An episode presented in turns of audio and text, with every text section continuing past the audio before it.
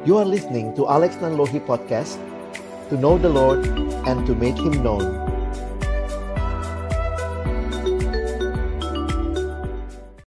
Baik, selamat malam teman-teman sekalian.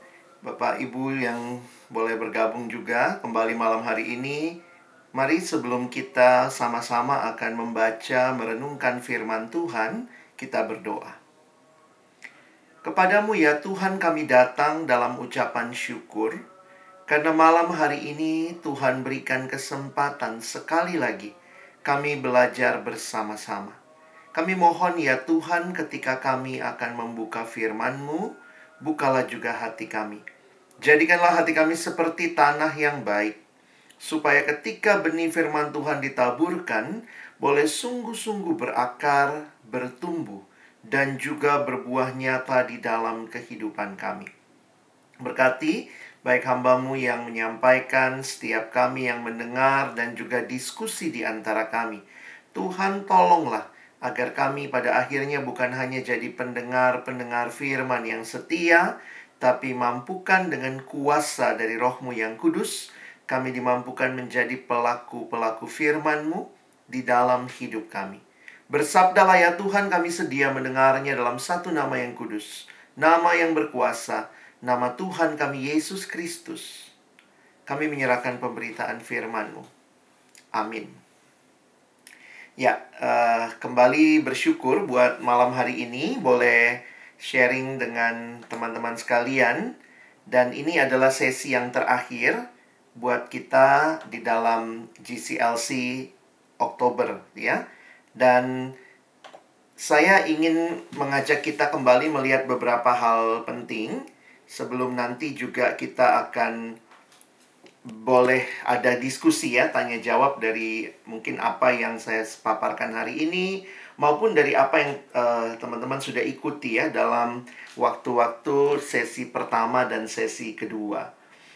Jadi kembali semangat reformasi yang berdasarkan Alkitab sola scriptura di mana keselamatan diterima di dalam anugerah Allah yang semata-mata anugerah Allah, sola gracia, diterima di dalam iman, sola fide, atau diterima melalui iman, percaya, dan kemudian di situlah kita melihat bagaimana Allah yang dimuliakan ya dalam semua hal yang kita sebenarnya lihat dalam proses kehidupan orang percaya yang mengalami berita Injil yang sesungguhnya.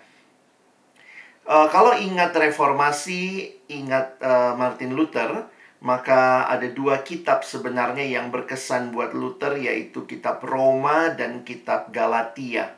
Dan bagaimana uh, dia kemudian melalui perjumpaan dengan Tuhan melalui kitab suci itu ketika dia mengerti Injil yang sesungguhnya itu begitu membebaskan Luther.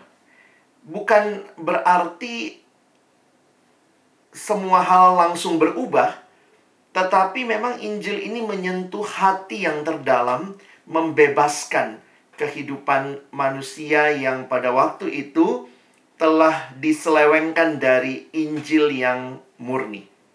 Jadi, akhirnya kalau kita lihat salah satu kitab yang berkesan yaitu kitab Galatia karena Galatia sendiri memang pergumulannya ketika Paulus melihat jemaat begitu lekas berbalik dari Injil yang sejati.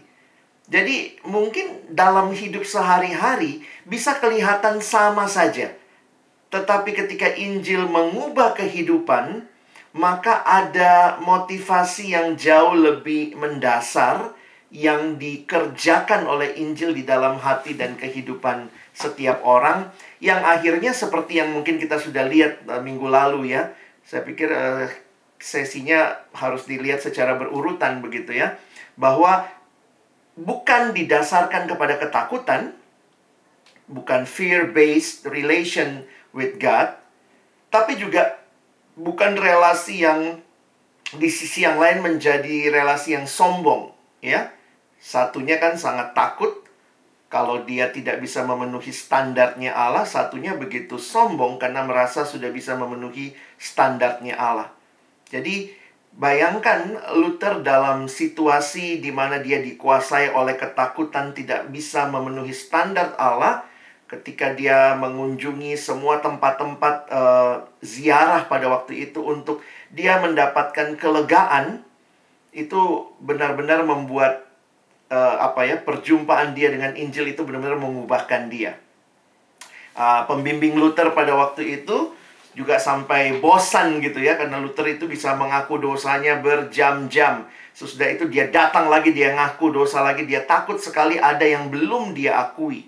Sehingga bayangkan yang membimbing aja yang ya dalam gereja tradisi Katolik pada waktu itu ada pembimbing yang akan uh, menerima pengakuan dosa itu sampai bosan begitu ya. Karena dia datang berulang kali dengan menyampaikan uh, apa yang ada dalam hatinya, ketakutan dia dan seterusnya.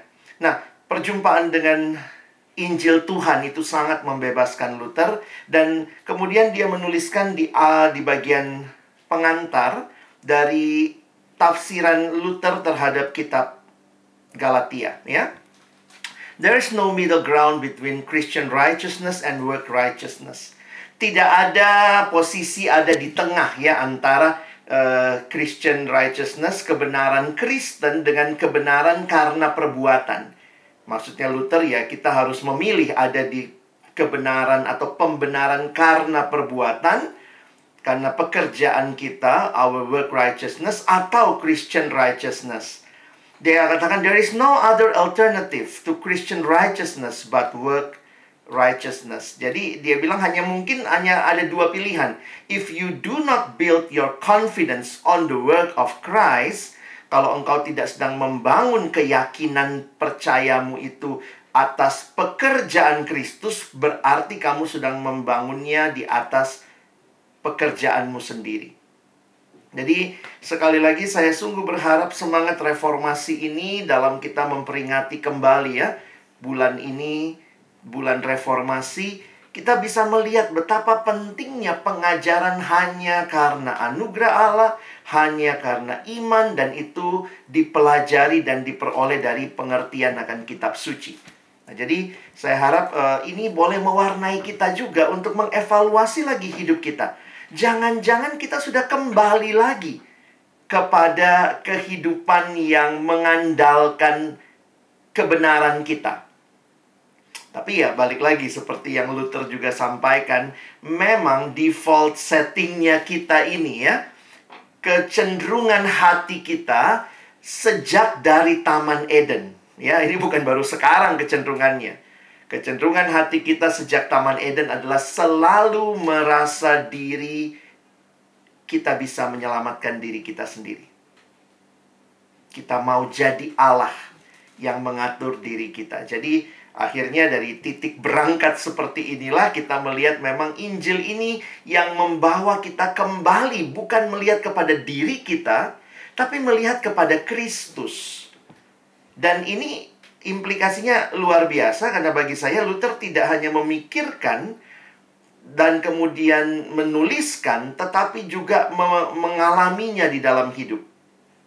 Jadi malam hari ini saya coba tolong eh, teman-teman uh, sekalian untuk melihat bagaimana kita melanjutkan yang minggu lalu ya. Minggu lalu uh, Ray sudah sharing juga sebenarnya banyak hal yang bisa digali ya dari kehidupan yang diubahkan oleh Injil. Nanti saya akan coba cerita beberapa hal uh, Injil kembali mem, apa menyegarkan pelayanan dan kemudian membawa juga beberapa hal dalam pelayanan kita jadi lebih uh, in line with the gospel, seirama atau selaras dengan Injil.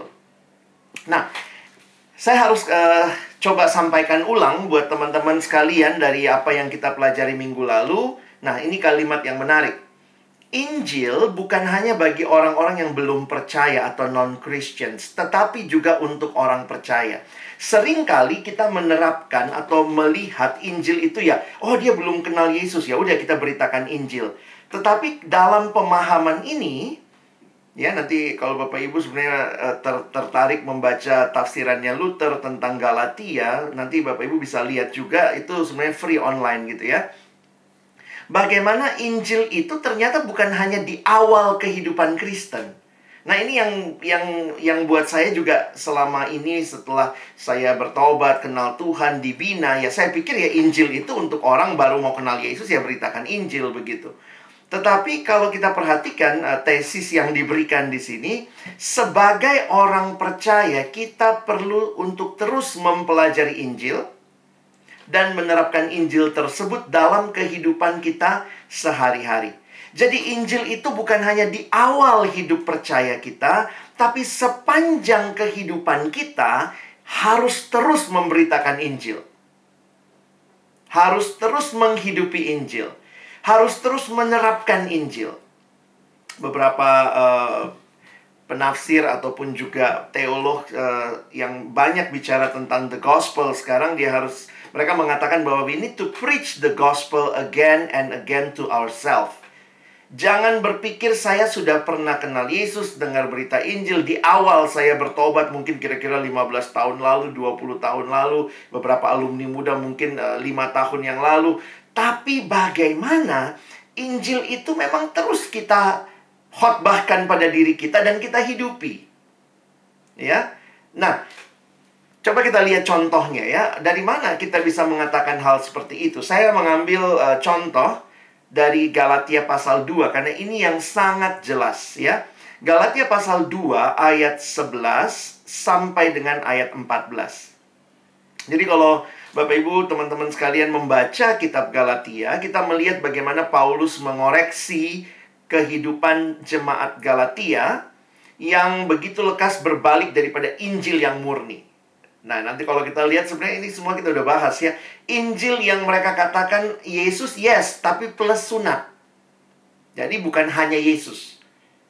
Dan ketika Paulus memberikan contoh di bagian bawah, ini salah satu peristiwa yang Paulus angkat, ya. Ternyata ada peristiwa di mana Paulus berani menegur Petrus. Wah, ini hebat juga ya. Paulus berani menegur Petrus dan itu dicatat di dalam kitab Galatia. Nah, ini uh, ayatnya saya bacakan buat kita. Tetapi waktu Kefas, nah Kefas itu Petrus ya. Tetapi waktu Kefas datang ke Antioquia, aku berterang-terangan menentangnya. Sebab ia salah. Wis, hebat ya. Karena sebelum beberapa orang dari kalangan Yakobus datang, ia makan sehidangan dengan saudara-saudara yang tidak bersunat. Tetapi setelah mereka datang, ia mengundurkan diri dan menjauhi mereka karena takut akan saudara-saudara yang bersunat. Ayat 13. Dan orang-orang Yahudi yang lain pun turut berlaku munafik dengan dia sehingga Barnabas sendiri, nah Barnabas kan orang Yahudi juga ya, eh, tim pelayannya Paulus. Sehingga Barnabas sendiri turut terseret dalam kemunafikan mereka. Tetapi waktu kulihat bahwa kelakuan mereka itu tidak sesuai dengan kebenaran Injil, aku berkata kepada Kefas di hadapan mereka semua, jika engkau seorang Yahudi hidup secara kafir dan bukan secara Yahudi, bagaimanakah engkau dapat memaksa saudara-saudara yang tidak bersunat untuk hidup secara Yahudi? Nanti teman teman-teman bisa pelajari lebih jauh ya pemahaman ini, tapi saya ingin ingatkan bahwa pada waktu itu jangan lupa Petrus ini rasul, teman-teman. Petrus ini rasul yang bahkan datang dari kantor pusat Yerusalem ke Antioquia di mana pada waktu itu kita melihat ada eh, ada Paulus dan uh, Barnabas begitu ya. Dan yang menarik adalah rasul sebesar Petrus tapi lihat kalimat ayat 14. Tetapi waktu kulihat, nah ini kalimat Paulus ya, waktu kulihat bahwa kelakuan mereka itu tidak sesuai dengan kebenaran Injil. Nah, ini jadi menarik ya. Injil itu bukan hanya di awal orang percaya, tetapi kalau perhatikan bagaimana Paulus memberikan pemahaman bahwa Injil harusnya terus membentuk kehidupan dan kelakuan. Bayangkan ada rasul seperti Petrus yang tidak menghidupi kebenaran Injil. Jadi kebenaran Injil ini apa? Bukan waktu dia bertobat, bukan hanya di awal, tapi kebenaran Injil berarti ada sebuah prinsip kebenaran yang harusnya berlaku atau diberlakukan dalam kehidupan sehari-hari. Jadi ingat ya, Injil bukan hanya dibutuhkan di awal hidup kita jadi orang Kristen, tetapi sepanjang hidup. Biarlah kebenaran Injil itu membentuk hidup kita. We have to live a life that in line with the gospel. Jadi kalau Rasul Petrus saja bisa tidak sesuai dengan kebenaran Injil, ya kita pun harus terus uh, apa ya? Kalau saya suka bayangkan seperti orang main gitar, teman-teman. Orang kalau main gitar kan setiap kali mau dimainin biasanya di stem dulu ya. Di stem do do do do sol sol sol gitu ya. Uh, itu menunjukkan bahwa ada standar yang senantiasa harus diikuti. Biasanya kan kita kalau sekarang mungkin lebih gampang dengan adanya HP gitu ya banyak yang STEM lihat di HP jadi sudah ada nada standarnya. Nah saya melihat bahwa ternyata hidup kita itu harus demikian juga. Terus menerus di diselaraskan. Mungkin itu istilah yang lebih lebih baik ya. Uh, diselaraskan dengan Injil itu dan berita Injil yang sudah kita pelajari di pertemuan pertama itulah kan semboyannya reformasi sebenarnya di mana Injil bukan karena manusia yang mencari Allah, manusia yang mendapatkan Allah, tetapi Allah yang mencari manusia. Nah, ini implikasinya ternyata luas banget. Prinsipnya bisa kelihatan sangat sederhana, tapi mari search our hearts.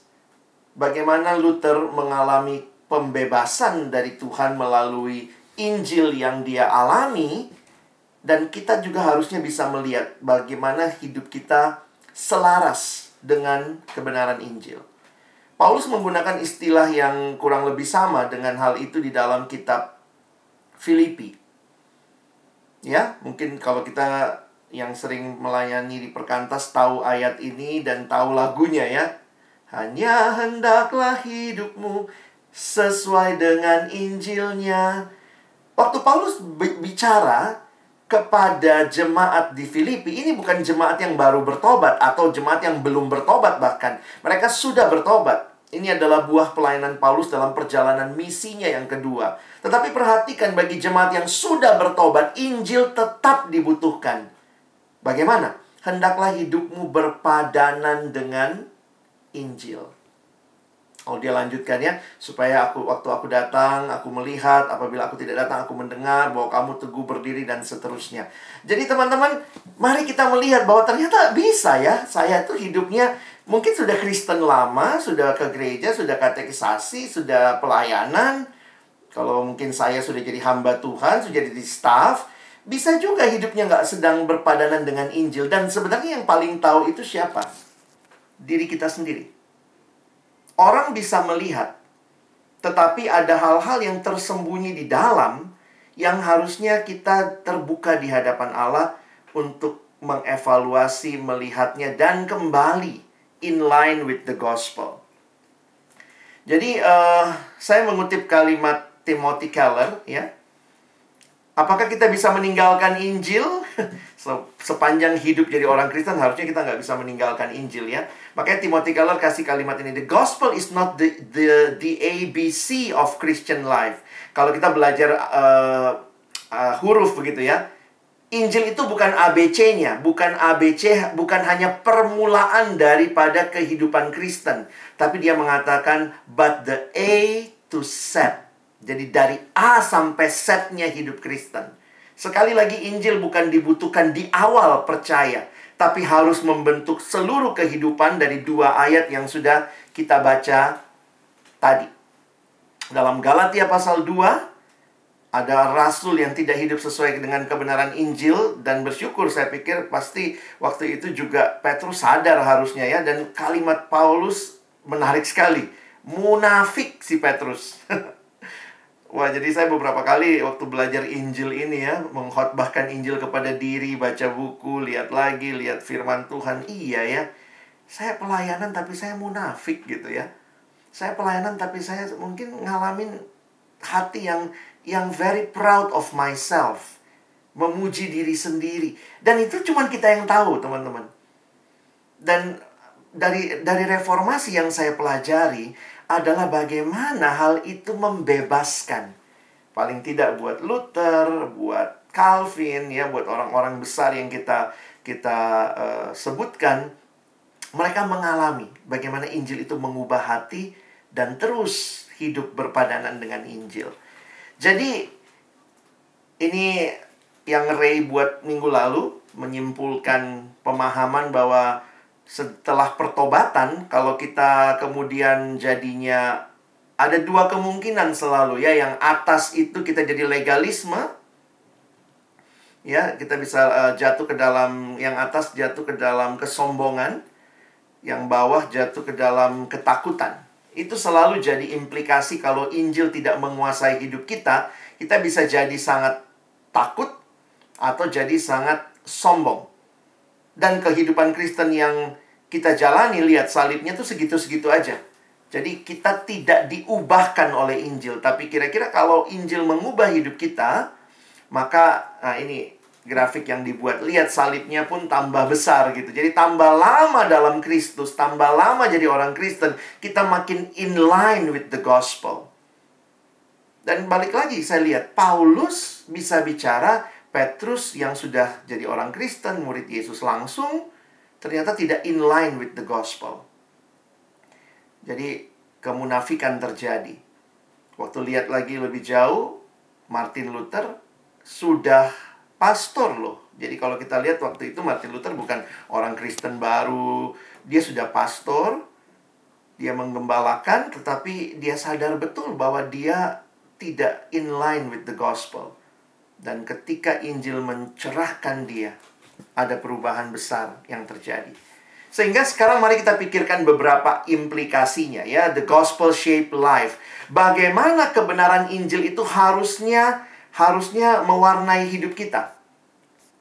Nah, mungkin yang kita harus ingat betul ya, uh, terus ingat dalil-dalil dasarnya tentang Injil.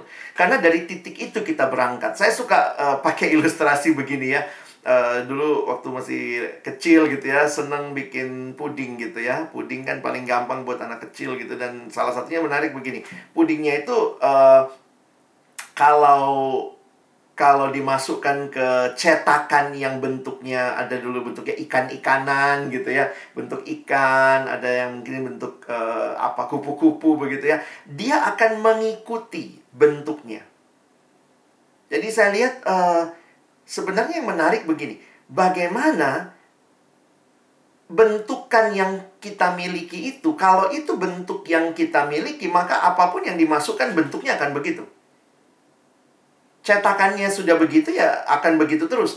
Karena itu bagaimana misalnya supaya membentuk yang lainnya berganti cetakannya gitu. Nah, logika saya adalah begini. Jangan-jangan saya hidup seperti ini karena memang cetakannya nggak benar gitu cetakannya bukan cetakan Kristen. Saya namanya aja Kristen, tapi ternyata cetakan yang membentuk hidup saya adalah cetakan agama lain. Nah, ini yang bisa terjadi kalau Injil tidak menjadi dasar kita. Nah, karena itu eh, saya sekarang bicara dulu cetakannya nih ya. Eh, dalil-dalil kebenaran Injil yang kita sudah eh, simpulkan dari minggu-minggu yang lalu tentang misalnya ya. Saya membagi dua, bedakan antara agama religion ya. Bisa jadi kita hanya beragama Kristen ya. Makanya saya kutip ini dari uh, dari sebuah dokumen yang dibuat oleh uh, pastor uh, sorry uh, rekan saya Pak Senjaya ya. Pak Senjaya di gerejanya mereka mencoba uh, merumuskan lah ya hal-hal ini untuk bisa melihat lebih jelas. Sehingga mereka mengatakan begini, kami berhenti beragama. Karena beragama itu tidak in line with the gospel. Dia pakai pemahaman religions ya, maksudnya agama baik kekristenan hanya dijadikan agama ataupun agama apa saja gitu. Dan dia mengatakan kami berhenti beragama dan kami mulai berinjil. Ya.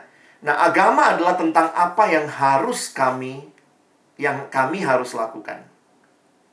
Sementara Injil adalah apa yang Yesus sudah lakukan di atas kayu salib. Mungkin kita pikir ah saya saya mah udah tahu begitu ya tapi dalam realita hidupnya tuh kita bisa jatuh juga tuh. Seperti Petrus gitu ya. Petrus pasti udah tahu tentang hal ini. Tapi ketika Paulus mengangkat contoh, dia ngangkat contohnya Petrus. Karena ternyata Petrus takut sama manusia. Begitu ada orang dari kantor pusat datang yang Yahudi, ya Petrus langsung nggak mau makan sama orang-orang yang non-Yahudi yang sebelumnya dia makan sama mereka. Berarti Injil tidak membentuk hidup Petrus sampai dia munafik seperti itu. Jadi logikanya apa? Petrus nampaknya takut dengan manusia. Ya, jadi ini ini bisa kita lihat implikasinya ya. Nah, saya lanjut dulu nih. Agama berkata, jika kami memaksa diri taat pada Allah, Dia akan mengasihi kami. Injil berkata, justru karena Allah telah mengasihi kami dalam Yesus, kami dengan sukarela dan sukacita taat kepada Allah. Wah ini gampang sekali terjadi ketika kita saat teduh misalnya ya. Kita merasa kita sudah cukup taat sama Allah. Kalau saya rajin saat teduh, Tuhan tambah sayang sama saya. Jadi akhirnya kita menambahkan kepada karya Kristus. Yang membuat Tuhan sayang kepada kita adalah karya Kristus bagi kita. Bukan apa yang kita lakukan. Hati-hati kita berpikir bahwa ketaatan kita akan menambah cintanya Tuhan sama kita. Berarti asumsi dasarnya Tuhan lagi kurang cinta sama kita. Kalau kamu saat teduh satu kali, oh Tuhan naik cintanya. Kamu saat teduh dua kali pagi sama malam, Tuhan naik lagi cintanya. Sehingga orang yang hidup seperti itu adalah hidup bukan bukan menyembah Allah, tetapi menggunakan Allah untuk apa yang dia mau. Saya pengen misalnya kalau mau sukses itu ya jadi akhirnya kayak nyogok Tuhan gitu ya. Karena konsepnya adalah kalau saya memberi banyak Tuhan akan kasih lebih banyak. Salib menyatakan kepada kita waktu kita belum bisa kasih apa-apapun Tuhan sudah mengasihi kita itu Roma 5 ayat 8. Bahkan ketika kita masih berdosa, kita belum bisa kasih apa-apa. Tuhan sudah mengasihi kita full. I love you full. Jadi ketika sekarang kita melakukan ketaatan, itu tidak menambah kasih Allah. Harus lahir dari hati yang sudah mengalami kasih Allah. Itu respon, bukan syarat keselamatan. Dan itu respon wajar banget teman-teman ya. Itu respon wajar banget. Saya balik lagi seperti kalimatnya Paulus, uh, kalimatnya Martin Luther. Begitu kita lakukan sesuatu yang salah, kita akan cenderung nyogok. Itu udah kayak dasarnya manusia gitu ya. Kita dari Taman Eden udah begitu, nutupin dosa aja, nutupin dosa. Dengan apa? Dengan apa yang kita lakukan. Padahal Tuhan sudah bilang tidak ada yang kamu bisa lakukan untuk menutupi dosa. Karena itu kalau perhatikan kembali ke Taman Eden misalnya, Tuhan memberikan kepada manusia pakaian dari kulit binatang. Manusia menutupi dengan daun ya. Manusia uh, fashion desainnya paling top daun ya Eh, Tuhan bilang, sorry man, saya butuhnya bukan daun gitu ya. Tuhan bilang, nih, pakai kulit binatang. Para penafsir Alkitab mengatakan ketika kulit binatang diberikan, maka sebenarnya itu sebuah tanda. Tandanya apa? Semua binatang itu kan nggak ada yang langsung kulitnya ya. Harus disembelih dulu. Jadi sejak kejadian pasal 3, ada konsep yang Allah berikan untuk menyelesaikan pergumulan dosa harus ada darah yang tertumpah. Dan itu yang dituliskan dalam kitab Ibrani bahwa tanpa penumpahan darah tidak ada penebusan dosa. Di situ menggambarkan bahwa bukan apa yang kita lakukan yang membuat Allah menerima kita. Jadi jangan-jangan kita kita ngerti konsepnya, tapi waktu menjalani hidup masih gitu saya rajin ke gereja supaya Tuhan tambah sayang sama saya. Itu menghina Tuhan banget itu. Berarti saudara merasa yang membuat Tuhan sayang adalah karyamu, bukan karyanya Yesus di kayu salib. Itu simple sekali. Tapi jangan-jangan kita membangun diri, bahkan membangun anak-anak kita, orang-orang yang kita layani dengan prinsip itu. Ada yang datang, Kak, saya lagi jatuh dalam dosa, coba saat teduh deh. Rajin-rajin kau saat teduh. Coba satu dua kali, coba satu dua tiga kali. Kenapa? Supaya nanti Tuhan tambah sayang, Tuhan tambah berkati kamu. Banyak orang Kristen nggak ngerti Injil. Injil hanya dimengerti Yesus menyelamatkan saya, tapi implikasi Injil tidak membentuk keseharian kita. Jadi tidak ada hal yang bisa teman-teman dan saya lakukan untuk menambah cintanya Tuhan buat kita. Karena dia sudah cinta kita full waktu dia memberikan semuanya di kayu salib. Ya. Mas saya kalau bicara begini bisa berkobar-kobar teman-teman ya karena sadar betul gitu ya. Itu yang yang jadi semangatnya Luther dan kawan-kawan gitu. Gila, kita merendahkan karya Kristus dengan saat teduh kita. Tapi berka, ber, bukan berarti dibalik ya, jangan dibalik lagi. Kalau gitu nggak usah saat teduh. Nah, itu orang yang nggak ngerti Injil gitu ya.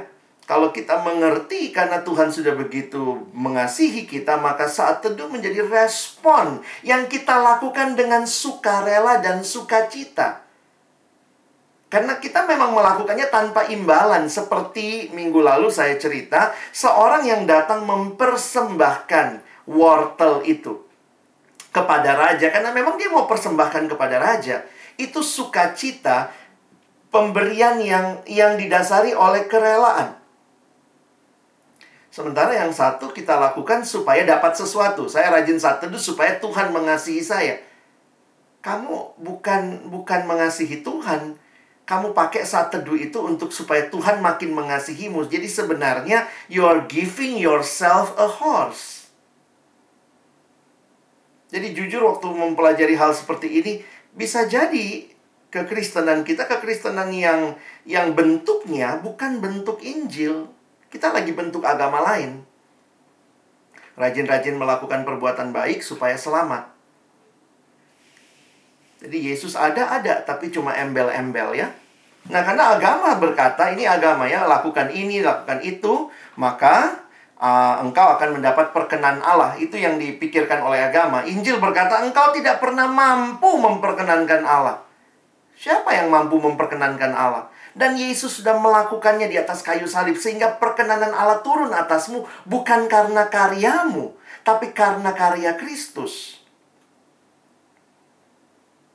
Jadi jangan sampai jadi saya bisa menghayati ya marahnya Paulus sama jemaat Galatia karena baru aja aku ajarin kamu. Semuanya cukup dalam Kristus. Aku pulang kamu coba-coba lagi. Tambahkan sunat, tambahkan ritual Yahudi.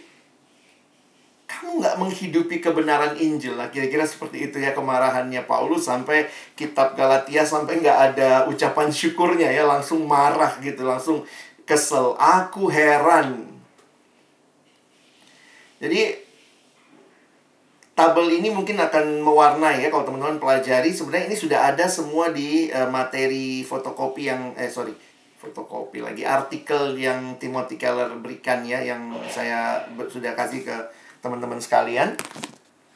Jadi ini agama ya. Agama saya taat karena itu saya diterima Allah. Motivasi ketaatannya kalau gitu takut dan rasa nggak aman.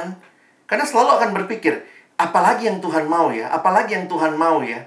Jadi kayak kita nggak pernah merasa apa saat teduh saya cukup sekali ya. Oh kayaknya Tuhan mau yang tiga kali deh. Terus kemudian jadi kita selalu ketakutan, fear. Dan kalau kita berhasil Misalnya waktu kita rajin saat teduh kemudian ternyata memang kita dapat berkat Tuhan dalam arti berkat baik hal-hal yang baik terjadi atas hidup kita. Jangan-jangan kita kita kan merasa proud itu kan. Kenapa saya begini? Karena saya rajin saat teduh. Terus kita ajarin sama orang, lu coba deh saat teduh tiga kali. Nanti lu akan alamin kayak saya. Jadi selalu itu yang saya katakan tadi ya. Ketika gagal selalu ada fear, takut. Apalagi yang kurang? Apalagi yang kurang untuk menyogok Allah nih? Tuhan mau apa lagi nih? Sementara yang satu jadi pride, sombong. Kalau saya bisa taat, nah saya dapat kan berarti ketaatan saya yang membuat saya mendapatkan hal itu. Injil beda banget. Ya, Injil beda sekali. Saya diterima Allah karena itu saya taat. Jadi mulainya bukan dengan kita, tapi dengan Allah. Motivasi ketaatan saya rasa syukur. Saya mentaati Allah untuk mendapatkan Allah, bukan untuk mendapatkan sesuatu dari Allah. Nah, bagaimana sikap terhadap keselamatan ya? Ini coba implikasinya. Agama membuat kami terus bimbang dengan keselamatan jiwa kami karena kami tidak pernah tahu apakah perbuatan kami sudah cukup untuk memperkenan Allah. Karena konsepnya apa? Allah masih mesti disenangkan dengan apa yang saya berikan, apa yang saya berikan. Alkitab nggak pernah bilang begitu. Ingat selalu Roma 5 ayat 8 Waktu kita masih berdosa Kita belum memilih Allah Allah sudah Yesus sudah mati bagi kita Injil membuat kami yakin Tentang keselamatan jiwa kami Karena keselamatan tersebut Tidak bersandar pada perbuatan kami Tetapi pada karya Kristus di atas kayu salib bagi kami, satu kali untuk selamanya. Teman-teman, waktu saya menghayati ini, banyak hal dalam hidup saya berubah. Jadi akhirnya saya sadar begini, kita tuh gampang sekali, apalagi buat kami hamba-hamba Tuhan. Begitu orang datang dengan pergumulan, jawabannya apa? Tambahkan sesuatu, kamu kurang lakukan apa? Rajin kau ke gereja. Rajin kau baca Alkitab ya. Coba, coba baca. Kau nggak serius sih baca Alkitab jadi akhirnya saya tidak memberikan mereka Injil, saya memberikan mereka legalisme baru untuk mereka taati, di mana itu yang menjadi dasar untuk mereka sukses. Jadi saya bergumul banget gitu waktu awal-awal mengerti konsep ini, karena malu juga, malu sendiri gitu ya. Saya nggak ngajarin Injil selama ini, saya nambahin beban jadi akhirnya waktu baca buku-buku tentang gospel centered uh, misalnya gospel centered um, pastoral care gitu ya.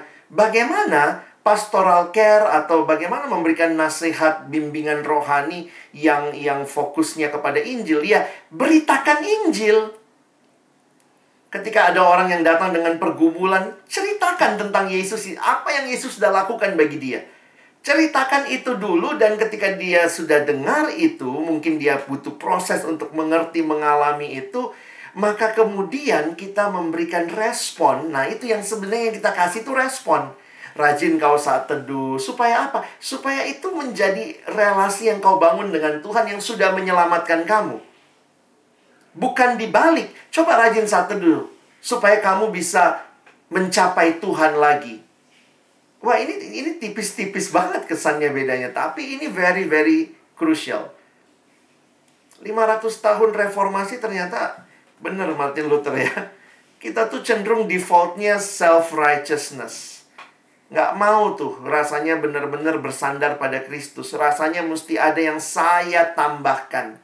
Karena apa? Kalau saya tambahkan kan saya kontribusi. Kalau saya kontribusi saya dapat glorinya. Jadi bukan SDG ya, Solideo Gloria, tapi Solidewe Gloria. Dapat kemuliaan buat diri sendiri. Jadi memang sulit untuk memahami ini tanpa uh, kalau kita nggak betul-betul kembali kepada berita Injil yang sejati. Perhatikan sebenarnya uh, selanjutnya dalam kehidupan doa misalnya ya. Nah ini, semua agama ngajarin doa. Jadi bagaimana kita berdoa? Bagaimana sikap yang benar, sikap yang sesuai dengan kebenaran Injil waktu berdoa? Kehidupan doa saya kebanyakan berisi permohonan dan baru muncul ketika saya sedang memerlukan sesuatu. Jadi doa itu sewaktu-waktu kalau ada uh, ada lagi yang sampai gini ya, uh, pakai puasa. Jadi puasa itu dianggap sebagai satu upaya menyertai doa nyogok Tuhan. Memang sih kalimatnya bukan nyogok Tuhan. Apa pun yang kau berikan aku terima Tuhan. Tapi please lihat loh. Tuhan saya ini sudah pakai puasa. Tujuan utama saya berdoa adalah mengendalikan situasi di sekitar saya. Jadi sebenarnya doa itu adalah supaya Tuhan lakukan seperti yang saya mau. I want to control the whole environment around me. Tapi Injil, kehidupan doa saya berisi pujian dan penyembahan. Bukan hanya permintaan, akan begitu mudah kita memuji, menyembah Tuhan karena kita tahu bahwa sebenarnya semua kita udah dapat dalam Kristus. Roma pasal 8 ayat 31. Kalau anaknya saja dia sudah kasih, apa sih yang dia nggak kasih kalau itu memang yang baik untuk kita? Tujuan utama saya berdoa adalah bersekutu dengan Allah. Persekutuan dengan Tuhan. Jadi teman-teman, uh, sekarang buku-buku tentang gospel centered itu sebenarnya kembali memberikan motivasi, memberikan dasar tentang hal-hal seperti ini.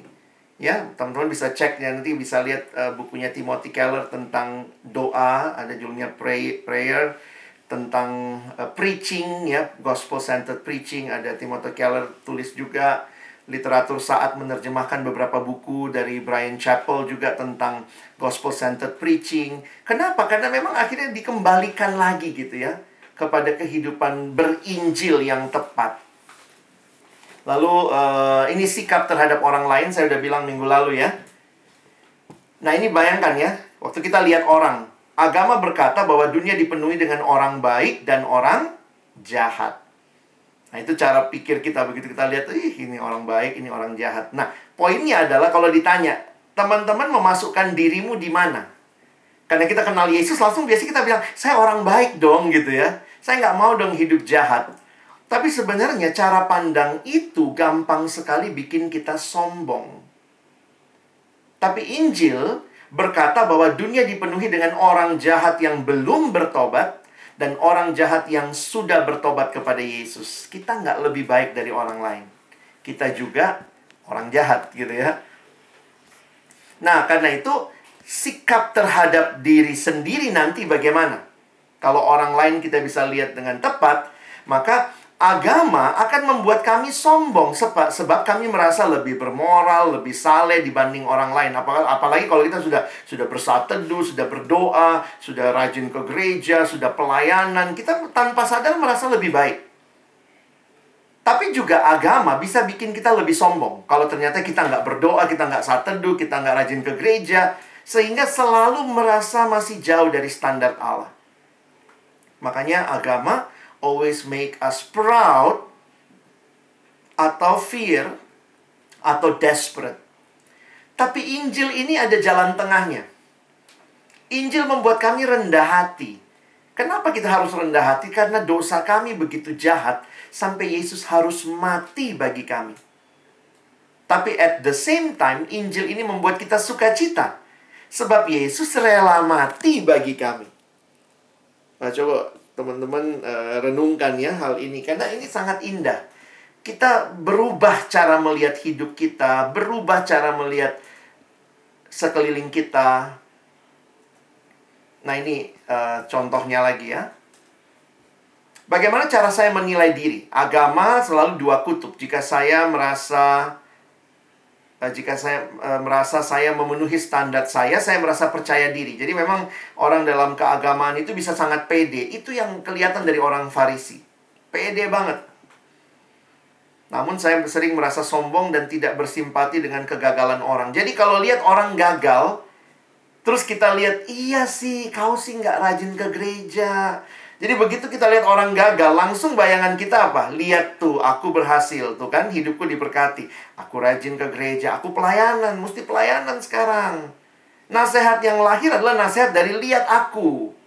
Tuhan berkati aku karena aku pelayanan, aku rajin saat teduh, rajin berdoa, aku punya mesbah keluarga. Jadi, jika saya tidak memenuhi standar saya, saya akan merasa rendah diri eh, eh, merasa rendah hati namun tidak percaya diri. Saya merasa gagal. Nah, ini sebaliknya. Jadi Injil eh, agama itu bisa membuat orang sangat sombong atau merasa diri memang nggak ada apa-apanya. Nah, Injil, cara saya menilai diri tidak bergantung pencapaian moral saya. Di dalam Kristus saya berdosa dan sesat. Ini kita mengaku dengan jujur. Dan pada saat yang bersamaan di dalam Injil, saya diterima. Saya begitu buruk sehingga iya, iya maksudnya Yesus harus mati bagi saya. Tetapi saya begitu dicintainya sehingga ia mau mati bagi saya. Sebenarnya ini penjelasan dari kalimat tadi. Sehingga ini menolong saya memiliki kerendahan hati yang dalam dan kepercayaan diri di saat yang sama. At the same time, rendah hati tapi pede ya, percaya diri ya. Karena sebenarnya PT ya, percaya Tuhan Agama menghancurkan. Berhasil sombong, gagal tambah hancur. Contoh ya, misalnya kita ada anak datang, Kak, saya rajin pornografi, Kak. Saya jatuh dalam dosa, gimana menolongnya? Nah, kadang-kadang kita langsung lah, rajin saat teduh kamu. Oh, coba buang semua, buang semua pornografimu. Oh, coba lakukan ini. Jadi, kita kasih list of things to do. Jadi jujur aja, respon kita pertama bukan respon Injil. Bukan apa yang Kristus lakukan, tapi kita mencoba menolong dia dengan coba lakukan ini. Ini yang harus kamu lakukan. Kita membalik lagi orang kepada beragama. Misalnya kita bilang sama dia, rajin saat teduh ya. Nah dia saat teduh. Habis dia saat teduh, terus dia berhasil nih. Tidak nonton pornografi satu minggu. Kira-kira dia merasa yang membuat dia bisa seperti itu apa? Oh, karena saya rajin saat teduh. Jadi akhirnya dia bisa kalau ada lagi yang datang sama dia, saya saya jatuh dalam pornografi. Oh, rajin kamu saat teduh. Jadi akhirnya Dia merasa pencapaian dia tidak nonton pornografi karena apa yang dia lakukan. Sehingga dia bisa jadi sombong Karena iya aku saat teduh makanya Rajin kau saat teduh Saat teduh mesti berapa kali Empat kali, lima kali Biar lebih rohani Lebih dekat sama Tuhan Moralitasnya dianggap menjadi Upaya mencapai Hal yang dia inginkan Tapi sebaliknya Begitu dia gagal Tiba-tiba dia jatuh lagi ke pornografi Maka dia akan ngelihat saat teduh pun nggak nolong ya Aku udah rajin loh saat teduh, cuman baru sekali aja nggak saat teduh, tiba-tiba hancur seperti ini. Orang yang moralitas kebenarannya karena apa yang dia lakukan, ketika gagal, maka dia akan sangat merasa gagal karena dia tidak sanggup. Aku udah coba bang saat teduh, aku nggak sanggup bang. Aku udah coba jatuh lagi bang. Nah itu saya kadang ngalamin membimbing orang seperti itu, jadi sadar juga ya Iya ya, saya juga bukan memberitakan Injil kepada dia. Saya nambahin kewajiban, lakukan ini deh. Lakukan, lakukan, lakukan. Waktu dia berhasil, dia puji diri, halelupa, bukannya puji Tuhan. Tapi kalau dia gagal, dia pun akan merasa, ah, udah saat teduh juga nggak bisa kok. Jadi lebih hancur daripada sebelumnya. Injil memberikan kepada dia pengharapan ketika dia datang, dia cerita, kita beritakan Injil. Yes, memang kau tidak bisa selesaikan dosamu karena itu ada Yesus yang datang menyelesaikan dosa. Kita begitu hancur, dia datang memulihkan kita. Hanya dialah yang bisa menyelesaikan dosa pornografimu. Yesus mati di kayu salib untuk kamu. Di situ dia menang. Pandang salib itu, lihat salib itu di situ Yesus menang. Dan Yesus yang menang itu sedang memanggil kamu di jalan kemenangannya. Bukan kemenanganmu. Yang menang Yesus. Tapi dia memanggil kamu. Setiap kali engkau gagal, engkau jatuh dalam dosa. Lihat salib itu. Injil memberikan pengharapan. Sehingga kerinduannya ya ketika Injil betul-betul menyentuh hatinya ketaatan dia untuk rajin saat teduh, ketaatan dia untuk membuang pornografi itu, itu lahir dari sukacita. Karena yang mati bagi dia sudah memberikan segala-galanya. Dia dipanggil untuk memberikan segalanya. Berita Injil sangat-sangat berbeda dengan apa yang dunia tawarkan. Identitas harga diri, ini kalau bicara identitas harga diri, kalau agama itu dilandaskan kepada seberapa keras saya bekerja atau seberapa saleh saya. Jadi jangan heran kita lihat orang yang nggak seperti kita. Saya sering menganggap rendah orang-orang yang dianggap orang-orang yang saya anggap malas atau tidak saleh. Nah, ini saya jujur aja waktu merefleksikan jangan-jangan ini juga yang membuat kita dalam persekutuan cenderung eksklusif. Karena kalau Injil tidak membentuk kita, maka keberhasilan moralitas, rajin saat teduh, rajin doa, rajin kebaktian, itu hanya membuat kita merasa diri lebih baik dibanding orang lain. Tapi harusnya identitas seperti apa yang kita bangun? Identitas dan harga diri saya dilandaskan pada pribadi yang sudah mati bagi saya. Saya diselamatkan karena anugerah semata, karena itu saya tidak bisa menganggap rendah orang-orang percaya yang orang-orang yang percaya atau melakukan sesuatu yang berbeda dengan saya waktu saya memahami ini, saya jadi banyak berubah melihat orang. Kadang-kadang misalnya ya, kita ambil siapalah, siapa yang kita lagi benci nih. mungkin yang ada di Arab sana ya. Kita benci sekali mungkin. Lihat apa yang dia bikin sama kekristenan. Lalu kemudian, ah dia sebenarnya tanpa sadar bisa jadi di hati kita, Tuhan jangan sampai dia bertobat gitu ya. Kalau bisa gitu. Oh, jangan bertobat. Kalaupun mau bertobat, udahlah digantung dulu di Monas lah sekian lama barulah bertobat. Kenapa? Dan kita merasa diri kita lebih baik. Mungkin kita merasa diri kita lebih baik. Karena kebaikan itu pada apa yang saya lakukan. Tapi kebaikan kita kepada apa yang Kristus lakukan. Teman-teman dan saya dianggap baik, dianggap benar bukan karena kebenaran kita. Ini karena kebenarannya Kristus. Saya ingat sekali ilustrasi yang diberikan oleh ibu rohani saya pendeta Dorothy Max waktu dia mengatakan misalnya bayangkan ini adalah kamu ya ini gambaran aja ya teman-teman bisa lihat di layar ini adalah uh, dirimu begitu ya uh, dia pakai gambaran ini adalah diri kita bayangkan diri kita yang berdosa ketika Allah melihat kita Ketika Allah melihat kita, yang Allah lihat adalah dosa. Jadi kita harus dihukum. Karena upah dosa adalah maut. Waktu Allah melihat kita tidak ada lain selain maut. Lalu apa yang terjadi? Ini Yesus, ya. Gambarannya misalnya ini Yesus, ya. Maka ketika kita terima Yesus, maka kita menikmati hidup di dalam Kristus. Nah, sekarang lihat ya. Kita ada di dalam Kristus. Jadi sekarang sudah ada di dalam Kristus. Ketika Allah melihat kita, Allah melihat kebenarannya siapa? Kebenarannya Yesus. Jadi bukan karena kita benar, ya. Sorry. Ini masalah virtual background, Bang. Sorry, Bang Togi. Bentar. Saya matikan dulu. Oke. Jadi, bayangkan kalau ini saya dan saudara yang berdosa, maka kalau Allah melihat kita, Allah melihat kita yang berdosa bukan bukan kebenaran kita yang dilihat karena dosa kita hanya manusia yang berdosa. Nah, ini Kristus. Ketika kita percaya pada Kristus, kita ada di dalam Dia.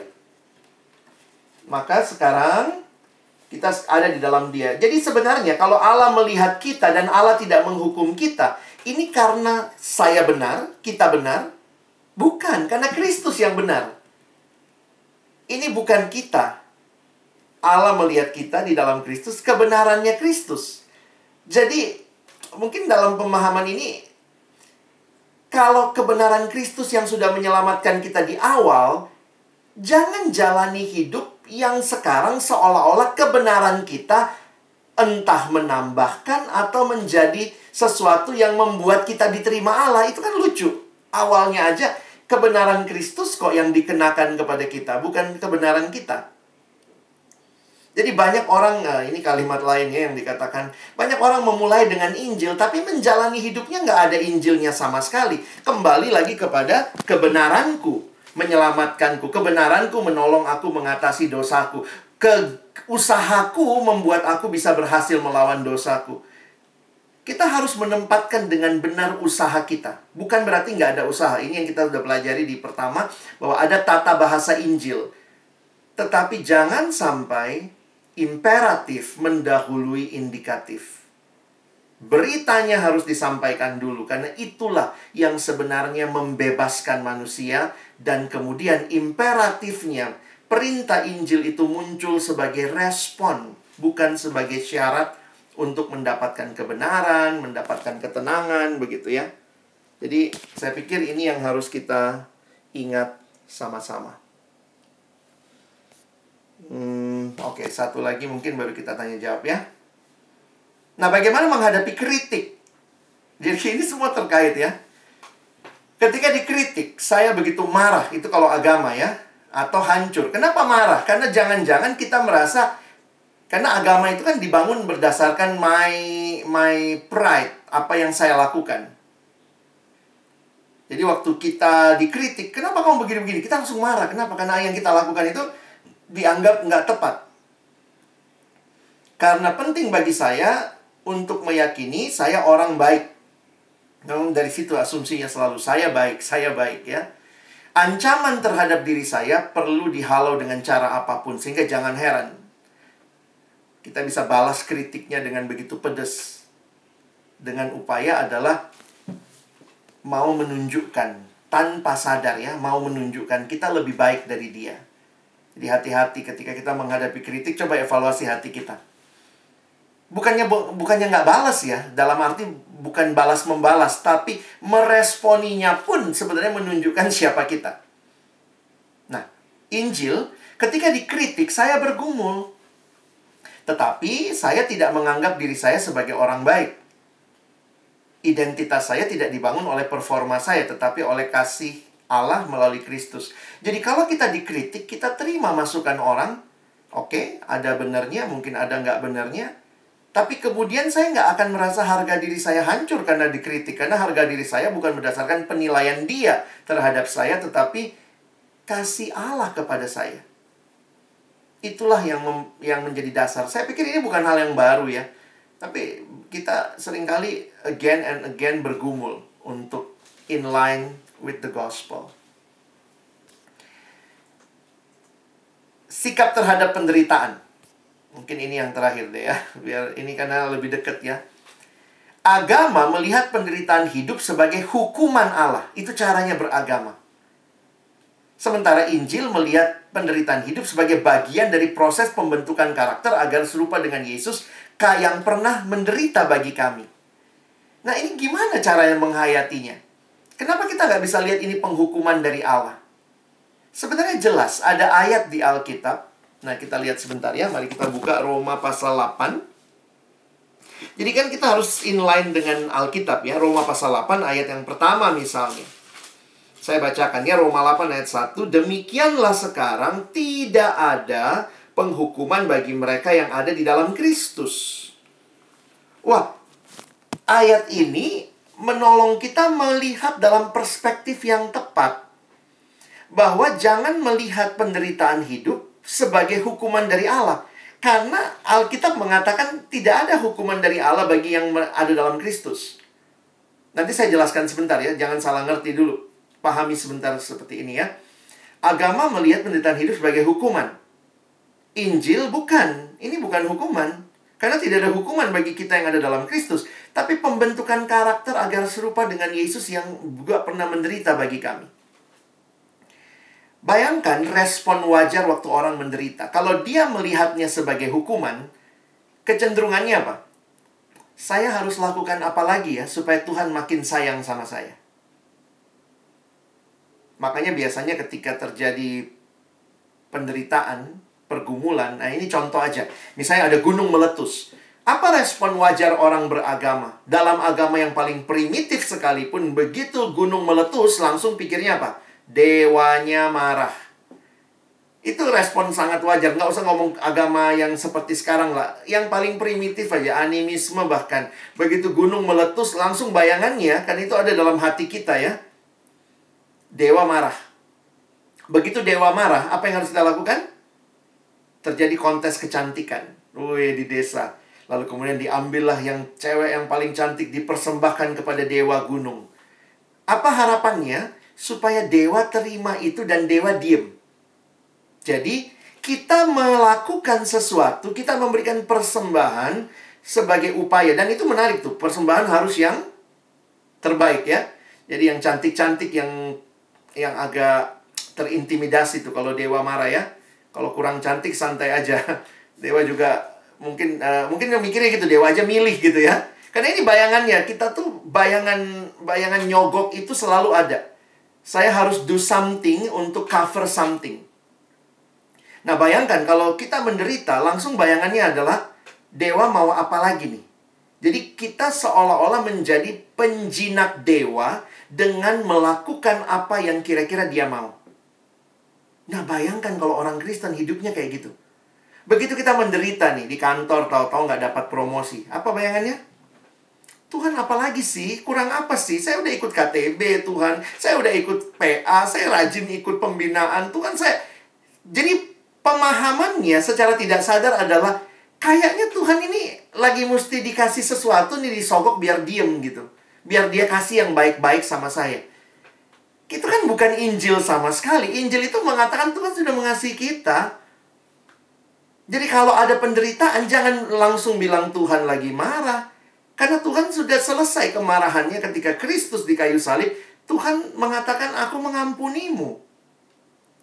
Kalau begitu bagaimana caranya kita melihat? Tuhan mau bentuk apa nih dalam hidup saya dengan penderitaan ini?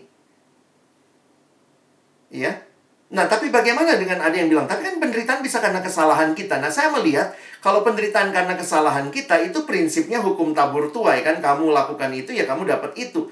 Nah, kalau seperti itu ya bertobat.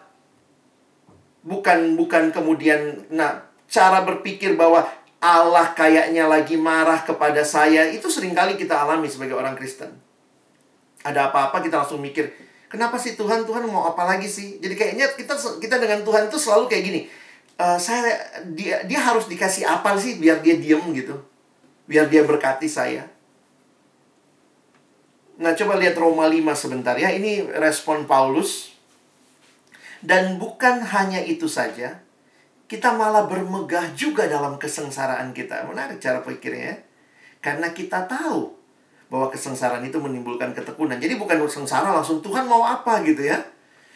Sengsara itu menimbulkan ketekunan, ketekunan menimbulkan tahan uji, tahan uji menimbulkan pengharapan dan pengharapan tidak mengecewakan karena kasih Allah telah dicurahkan di dalam hati kita oleh Roh Kudus yang telah dikaruniakan kepada kita. Nah, nanti kalau lanjut sedikit sampai ayat 8, nah itu ayat ya. Bahkan waktu kita masih berdosa, Yesus telah mati buat kita. Jadi apa yang sedang terjadi? Tuhan mau mengatakan, aku mengasihimu. Kalau ada penderitaan, coba belajar lihat. Ini apa yang aku mau bentuk dalam hidupmu. Jangan melihat ini sebagai hukuman Tuhan. Karena Tuhan nggak menghukum lagi. Kan udah dalam, dalam Kristus.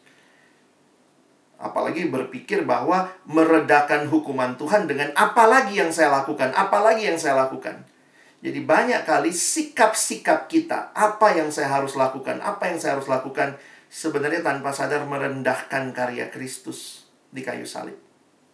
Karena kita tidak tepat menempatkannya ya. Nah ini kesimpulannya. Ketika sesuatu dalam hidup saya berjalan tidak semestinya, saya marah kepada Allah. Atau bisa jadi juga ya, diri saya sendiri. Kita marah sama diri saya sendiri. Diri kita sendiri. Saya masih kurang apa sih? Apa sih? Kenapa sih saya begini ya? Karena saya percaya yang uh, orang yang baik pantas mendapatkan hidup yang nyaman. Nah, ini masih balik lagi ya. Kita selalu merasa orang diri kita orang baik. Injil, ketika sesuatu dalam hidup saya berjalan tidak semestinya, saya bergumul tetapi saya tahu bahwa hukuman untukku telah ditanggung oleh Yesus. Sehingga Allah menggunakan kesulitan ini untuk melatih dan menunjukkan kasihnya. Ya, teman-teman, saya pikir kita mesti mentraining hidup kita hidup dalam Injil ya, supaya mengalami reformasi lagi. Dan saya pikir itu yang Luther kembali ya, mencoba melihat ulang semua yang dia alami dan akhirnya semangat itu membawa pembaharuan total bagi hidupnya. Saya berhenti sampai sini. Uh, mungkin yang yang bagian lain nanti bisa kita bahas kalau ada waktu. Tapi kira-kira dalam pembahasan tiga minggu ini, kerinduan saya adalah dari kita mengerti konsep dan akhirnya benar-benar ada hidup yang berjalan di dalam Injil itu dan Injil membentuk hidup kita. Ini beberapa contoh saja, teman-teman bisa baca lebih jauh kalau mau baca buku-bukunya lagi banyak sekarang berbicara tentang hal-hal seperti ini. Baik, saya serahkan kepada Mei.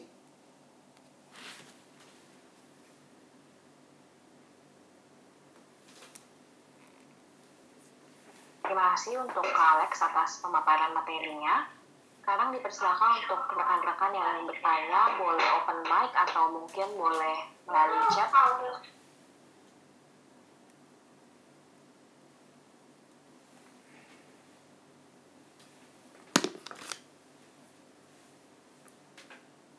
Silakan bagi yang mau bertanya.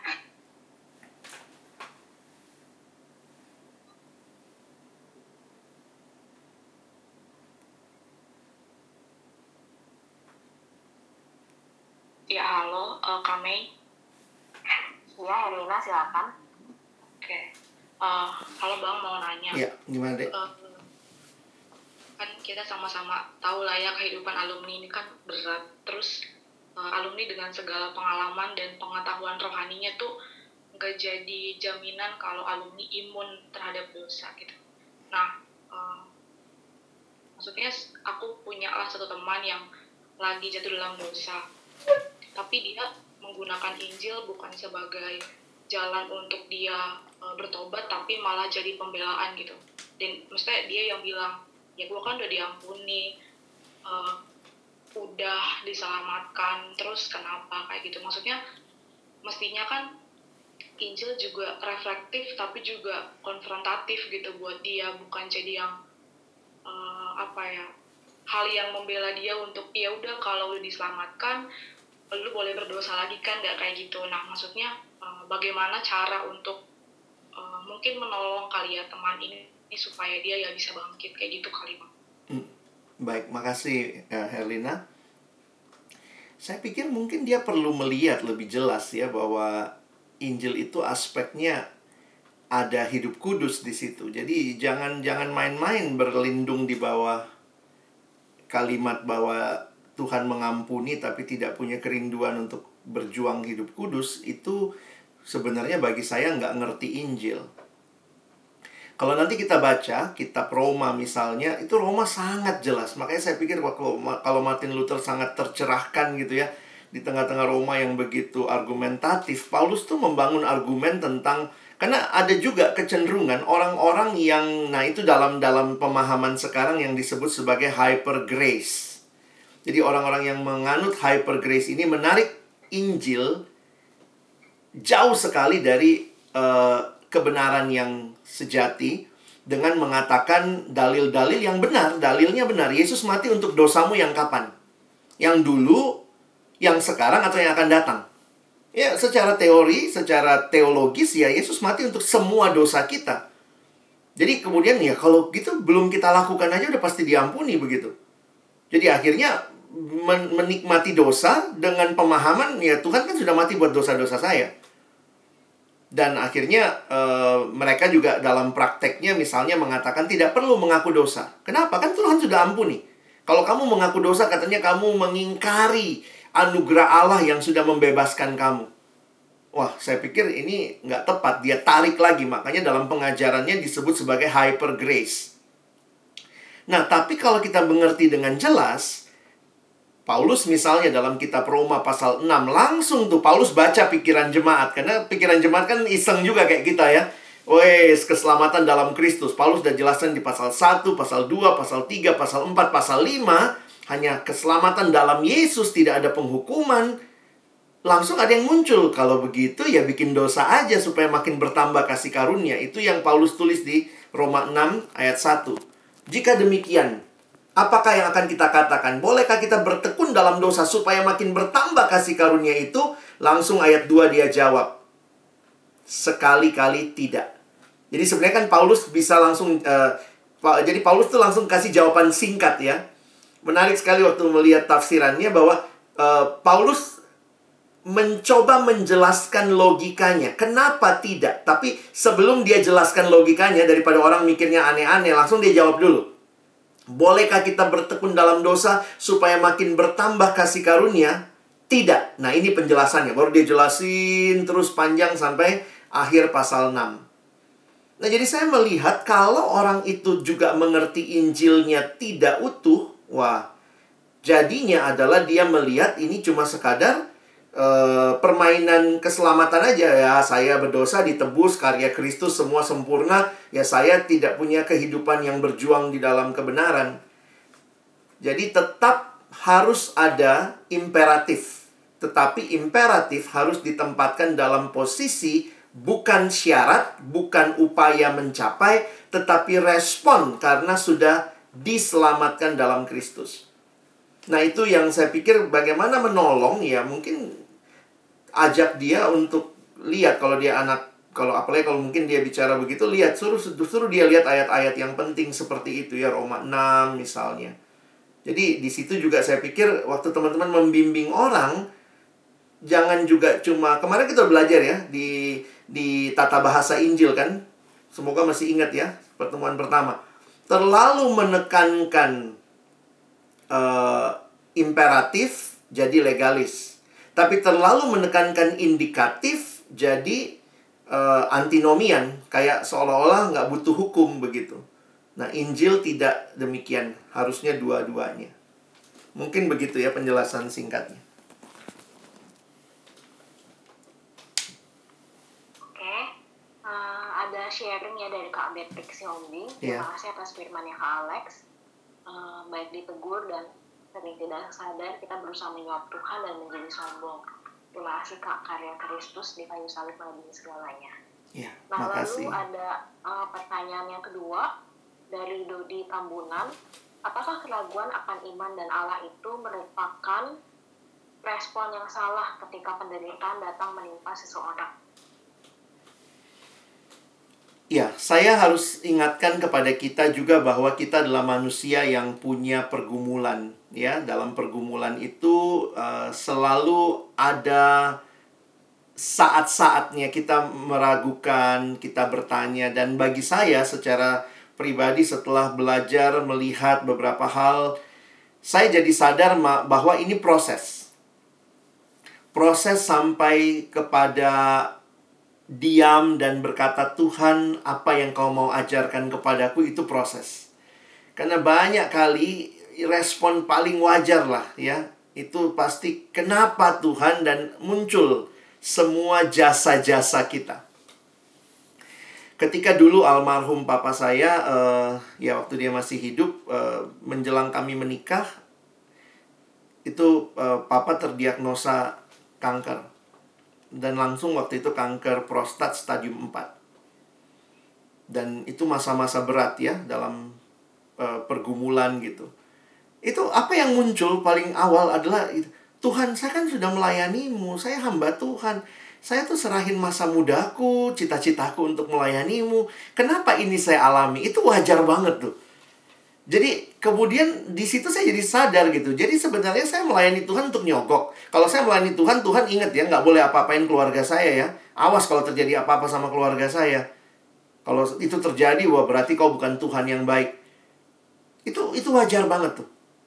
Nah dalam proses berdoa, bergumul, mulai mungkin awalnya juga termasuk tanda kutip meragukan Tuhan atau meragukan sebenarnya bukan meragukan Tuhan tapi sedang berpikir Tuhan apa Tuhan yang bagaimana yang saya yakini? Saya maunya Tuhan yang kalau saya layani dia, dia mesti kasih yang baik aja sama saya.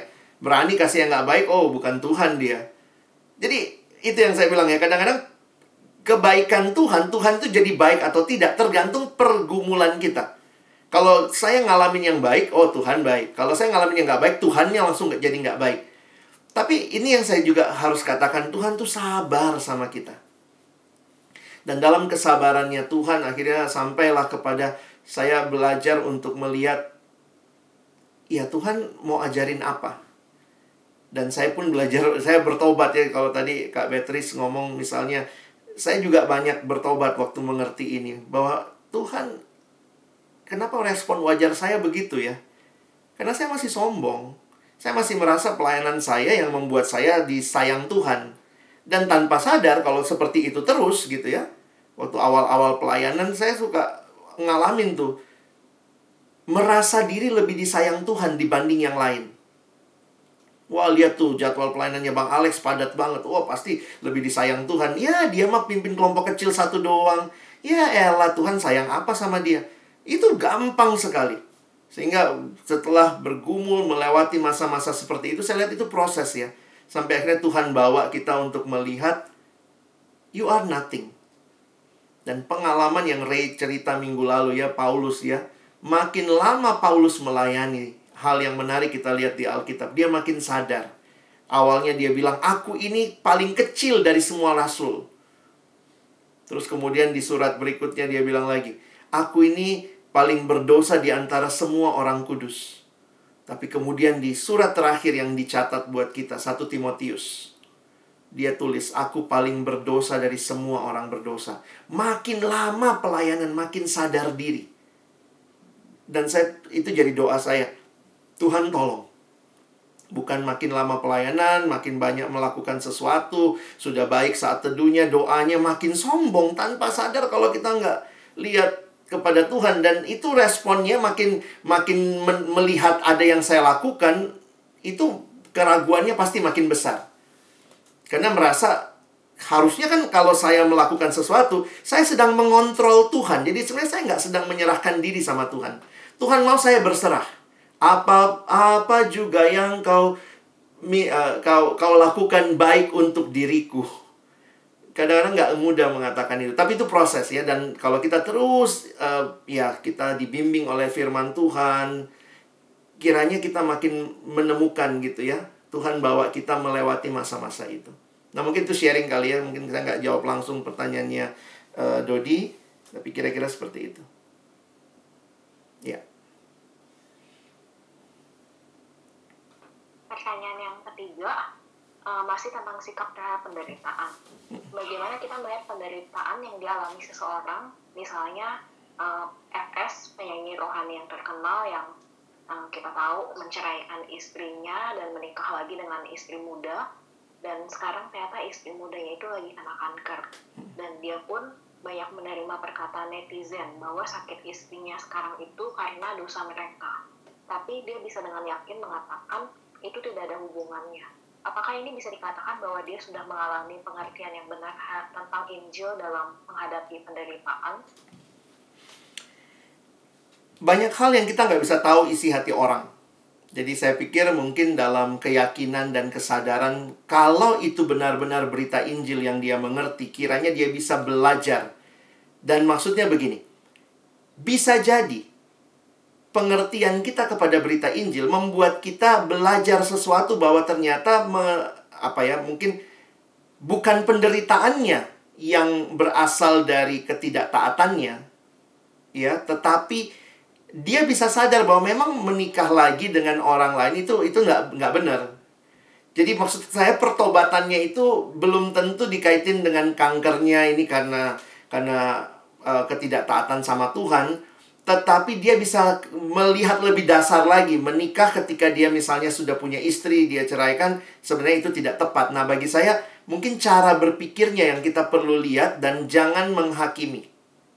Bagi saya lebih baik kita coba melihat dan coba untuk ajak orang-orang yang mungkin melihat fenomena itu untuk untuk melihat bahwa dalam dalam Injil ada pengampunan. Jangan kita tutup mata ada pengampunan tapi pengampunan juga tidak meniadakan konsekuensi. Saya harus katakan, uh, nah mungkin kalau ada waktu saya jelasin soal hukum tabur tuai begitu ya. Di dalam mengerti anugerah sebenarnya itu bukan hukum tabur tuai, itu setingkat lebih dari hukum tabur tuai. Atau mungkin sederhananya begini. Hukum tabur tuai itu kan begini, kalau saya baik maka nanti ya akan menuai yang baik juga. Tetapi waktu kita pelajari Alkitab, ternyata Injil itu hukumnya bukan hanya tabur tuai, tetapi bahkan sudah melakukan kebaikan bisa jadi nggak dapat yang baik. Oh bisa ya? Lihat Ayub. Lihat Yesus. Apa kurang baiknya Yesus? Jadi kalau kita ikut Yesus hanya dengan konsep, kan saya udah ikut Yesus, harusnya bener dong. Saya udah ikutin semua yang dia mau, harusnya saya dapat. Nah, itu pun bagi saya hati-hati tuh. Karena itu itu nggak balik kepada prinsip anugerah. Kalau kita pakai tabur tuai, nggak ada kita yang selamat. Karena kita semua berdosa. Hukum Injil lebih daripada sekedar tabur tuai. Tetapi hukum anugerah di mana bukan saya nggak ngelakuin apa-apa yang benar. Tapi Tuhan memberikan anugerah buat saya. Nah, jadi di sisi yang lain cara mengerti bahwa ada orang-orang yang udah hidup benar, kayak Ayub hidup benar, tapi menderita. Jadi penderitaan itu bukan karena hidup benar, tapi memang balik lagi ada rencana yang Tuhan mau nyatakan dalam hidupnya. Nah, mari peka terhadap hal seperti itu. Jadi bisa jadi, ya ini cara ngecek ya, bisa jadi itu hukum tabur tuai. Dulu rajin ngerokok, sekarang kena kanker paru, ya udah itu hukum tabur tuai. Tapi ada yang nggak ngerokok kena kanker paru juga? Apa kita kait-kaitin sama yang mana ya? Kita nggak bisa bilang, tapi kita mengertinya begini. Kalau dia percaya Kristus, dalam Kristus ada pengampunan, di dalam Kristus ada pengharapan, maka dia bisa melihat melampaui itu. Jadi mungkin cara pikirnya ya, cara memandang yang harusnya kita melihat dalam Alkitab tidak semuanya hukum tabur tuai. Ada hukum tabur tuai ada. Tapi uh, anugerah itu bicara lebih daripada sekadar hukum tabur tuai.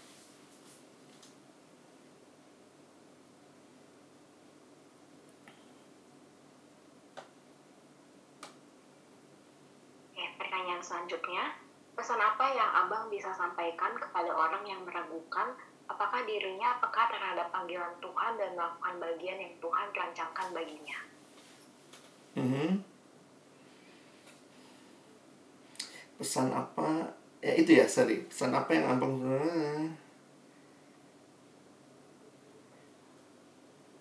Uh, meragukan peka terhadap panggilan Tuhan domain bisa jelasin nggak ya maksudmu apa dek apa dek? Aku takut salah nangkep. Gimana? Uh, uh, maksudku lebih ke gimana? Maksudnya uh, kita kan uh, tahu bahwa dalam segala sesuatu Tuhan yang kebaikan hmm. bagi orang Jadi kan uh, apakah kita terpanggil dan melakukan maksudnya bukan terpanggil dalam arti uh, percaya dan Yesus ya tapi uh, bagian kita dalam hidup ini gitu misalnya dalam pekerjaan atau Hmm. uh, bagian sebagai uh, saudara atau sahabat atau keluarga gitu gitu bang Oke. Mungkin saya kasih sedikit prinsip yang lebih luas ya, bahwa ternyata kalau kita baca baik-baik di dalam Alkitab, banyak kali waktu bicara panggilan Allah, itu sebenarnya panggilan Allah dalam hidup, itu lebih daripada sekadar panggilan buat diri kita pribadi.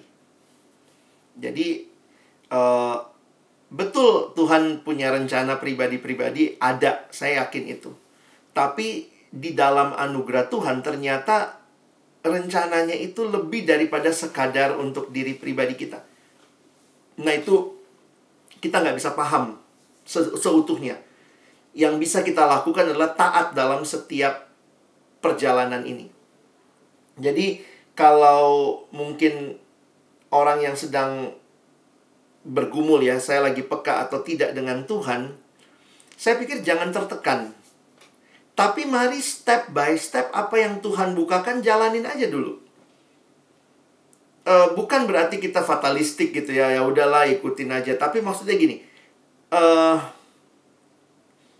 mari belajar untuk melihat hidup step by step. Karena ternyata ketika kita juga bicara mau tahu kehendak Tuhan, di situ ada trapnya juga. Eh, bukan berarti nggak boleh ada sesi itu ya. Saya juga sering bawain sesi mengetahui kehendak Allah. Tapi sering kali kalau pengertian kita tidak dibingkai dengan benar, kita jadi mau mengontrol situasi. Balik lagi tuh, kita jadi mau mengontrol situasi. Misalnya ya, kita diminta eh, apa yang kamu yakini Tuhan pimpin. Nah, begitu kita meyakini sesuatu, misalnya di camp pengutusan, di di KTB, kita yakin banget itu. Tapi kemudian yang terjadi adalah kita mulai menjadi orang yang me- menjadikan itu sebagai goal kita dan kemudian semua diarahkan ke situ dan jangan-jangan itu adalah upaya mengontrol situasi. Nah, poin saya adalah makanya tadi ya, taat saja dipimpin Tuhan. Silahkan setting your goal, it's part of our journey. Tapi waktu dalam journey itu, nikmati pimpinan Tuhan yang step by step. Em, nah, memang jadi setiap orang pasti akan punya pergumulan pribadi ya. Saya kasih contoh begini deh. Ada satu anak pernah datang dan sharing gitu. Dan dia berkata, Bang, saya belum bisa kuliah. Eh, saya harus biayain adik. Jadi eh, dia memilih harus bekerja. Oh sorry sorry, dia udah lulus. Dia tadinya mau S2, tapi dia menunda. Dia menunda. Dia yakin sekali jadi dosen. Dan dosen harus S2. Dan dia bilang tapi realitanya dia tahu bahwa dia harus biayain adiknya sehingga dia harus bekerja. Nah, dalam situasi kayak begitu dia jadi ragu kan? Kenapa Tuhan kasih jelas banget gitu dalam beberapa camp, dalam beberapa apa? Dia lihat tuh kayak Tuhan memberikan visi buat dia dalam dunia pendidikan. Tapi sadar juga bahwa adik mesti kuliah, nggak mungkin cuma dia yang kuliah, orang tua terbatas kesanggupan, jadi dia diharapkan bekerja menunjang adiknya. Nah ini gimana? Dalam situasi seperti itu saya pikir ya nggak ada teori yang saklek ya, mari peka aja. Saya bilang kalau kamu meyakini memang adikmu berapa tahun harus dibiayain? Kira-kira masih du- dua apa tiga tahun. Ya mungkin itu jalan yang harus dipilih sekarang di tengah-tengah situasi dia mau S2 dan dia pengennya S2-nya juga yang yang bagus gitu di kota yang lain. Nah, teman-teman mesti melihat cara Tuhan memimpin itu tuh eh, step by step. Jadi sering kali yang tanpa kita sadari kita set the goal-nya yang jauh, lalu kita bikin goal itu yang jadi segala-galanya, kita jadi nggak nikmati step by step-nya. Dan bagi saya sih Tuhan kan sangat kreatif lah ya buat memimpin hidup kita. Jadi mungkin polanya adalah yakini bahwa Tuhan tahu yang terbaik buat kita dan relasi kita dengan Tuhan akan menolong kita makin memahami kehendaknya. Mungkin kira-kira seperti itu.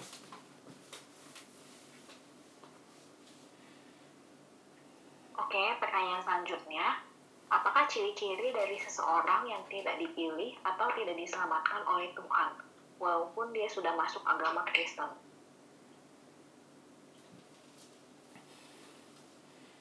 Thank you pertanyaannya. Cuma jujur aja ini pertanyaan yang sulit untuk dijawab dalam arti maksudnya gini. Uh, Alkitab jelas buah dikenal uh, pohon dikenal dari buahnya. Jadi um, orang yang tentunya diselamatkan akan terlihat dari hidup yang bertumbuh, hidup yang berbuah begitu. Nah, tapi kemudian juga kita mesti ingat bahwa ada ada juga kemungkinan-kemungkinan memalsukan hal-hal seperti itu. Makanya ada lalang dan gandum pun terjadi dibiarkan tumbuh bersama. Nah, mungkin dari pola pola ini adalah kita kita bisa lihat tapi kita jangan menghakimi. Mungkin itu lebih tepat. Silakan mengupayakan pertumbuhan, tapi Tuhan Yesus pun mengatakan biarkan aja lalang dan gandum itu tumbuh bersama. Nanti aku yang akan memisahkan ini lalang beneran, ini gandum beneran gitu. Jadi jangan menjadi orang yang uh, poin saya adalah kalau kita tahu nih ini kurang bertumbuh, ini bertumbuh, jangan buru-buru bilang ini nggak diselamatkan. Ya, ini yang saya agak takut dengan kalau kita bicara doktrin keselamatan, sering kali tanpa sadar itu kita pakai untuk analisa orang. Belajar predestinasi misalnya, terus kemudian lihat, hmm, ih, kayaknya dari dari tampangmu kok nggak selamat deh. Ini nggak nggak masuk surga ini. Wah ini kayaknya Yesus nggak berkenan gitu. Poin saya adalah waktu kita belajar doktrin keselamatan, kita belajar pilihan seperti predestinasi, saya lebih senang dengan apa yang dijelaskan di dalam Efesus 1 ayat 4. Kita dipilih sebelum dunia dijadikan supaya kudus. Jadi poinnya adalah hayati panggilanmu, hayati pilihan Tuhan atas hidupmu dan itu bicara tentang bagaimana kamu hidup makin kudus. Dan kerinduan itu yang kita bagikan kepada orang lain. Jadi jangan menjadikan eh, ciri-ciri uh, atau hal seperti itu menjadi apa ya cara kita menghakimi orang. Saya harus ingatkan buat kita ya, kadang-kadang waktu lihat Petrus ya, bayangkan tuh sampai sampai mungkin kalau bicara kelompok kecil ya, Petrus itu kan di akhir kelompok kecil ya, mungkin dua tahun tiga tahun sama Yesus ya. Di akhir kelompok kecil apa prestasinya menyangkal, gile. Ini kalau teman-teman mungkin kita nggak ada yang kayak gitu ya. Ada nggak abis abis selesai kelompok kecil menyangkal PKK sendiri gitu ya? Kadang-kadang saya pikir kan nggak begitu. Coba misalnya kalau kita lihat uh, Petrus. Kalau kita mau lihat Petrus pada waktu itu mungkin kita langsung bilang cirinya nggak selamat. Iya nggak? Ini nggak selamat ini masa menyangkal Yesus. Tapi kemudian bukan Petrus di sisi itu saja tapi ceritanya belum selesai di situ jadi beberapa kali kalau saya lihat hidup orang, saya juga selalu ingatkan, Tuhan ceritamu buatku belum selesai. Dan saya yakin juga cerita Tuhan buat dia belum selesai selama dia masih hidup. Terus bangun dia untuk bertumbuh. Beritakan firman. Kalau kita merasa nggak yakin, ini kayaknya nggak jelas nih. Kayaknya belum sungguh-sungguh bertobat. Terus beritain firman. Jadi uh, ingatkan diri kita ciri-ciri itu hanya menolong kita menyadari betapa pentingnya anugerah, betapa butuhnya anugerah, bukan untuk menjadi cara kita menghakimi orang-orang. Thank you.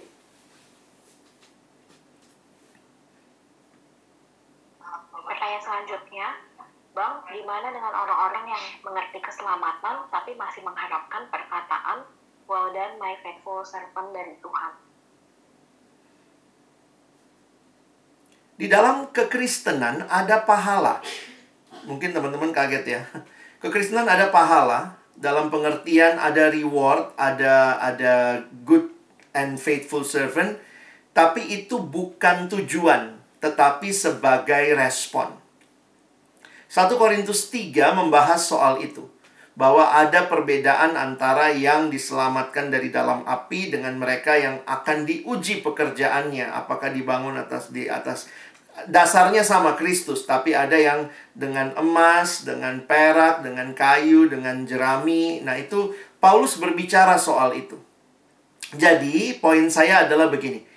Kekristenan tidak menolak pahala, tetapi bukan tujuannya dapat pahala Sehingga ketika kita merindukan pujian sorgawi itu, itu sebenarnya bukan berdasarkan apa yang kita lakukan. Ya. Tetapi karena diselamatkan saja itu sudah sungguh luar biasa buat kita. Tapi apakah di dalamnya nanti ada ada hal seperti itu yang terjadi? Alkitab bilang ada. Ya dalam Matius 25 ya uh, good and faithful servant. Tapi itu bukan jadi tujuan hidup. Kita membangunnya di atas dasar Kristus. Itu kalimat dalam 1 Korintus 3 mungkin gitu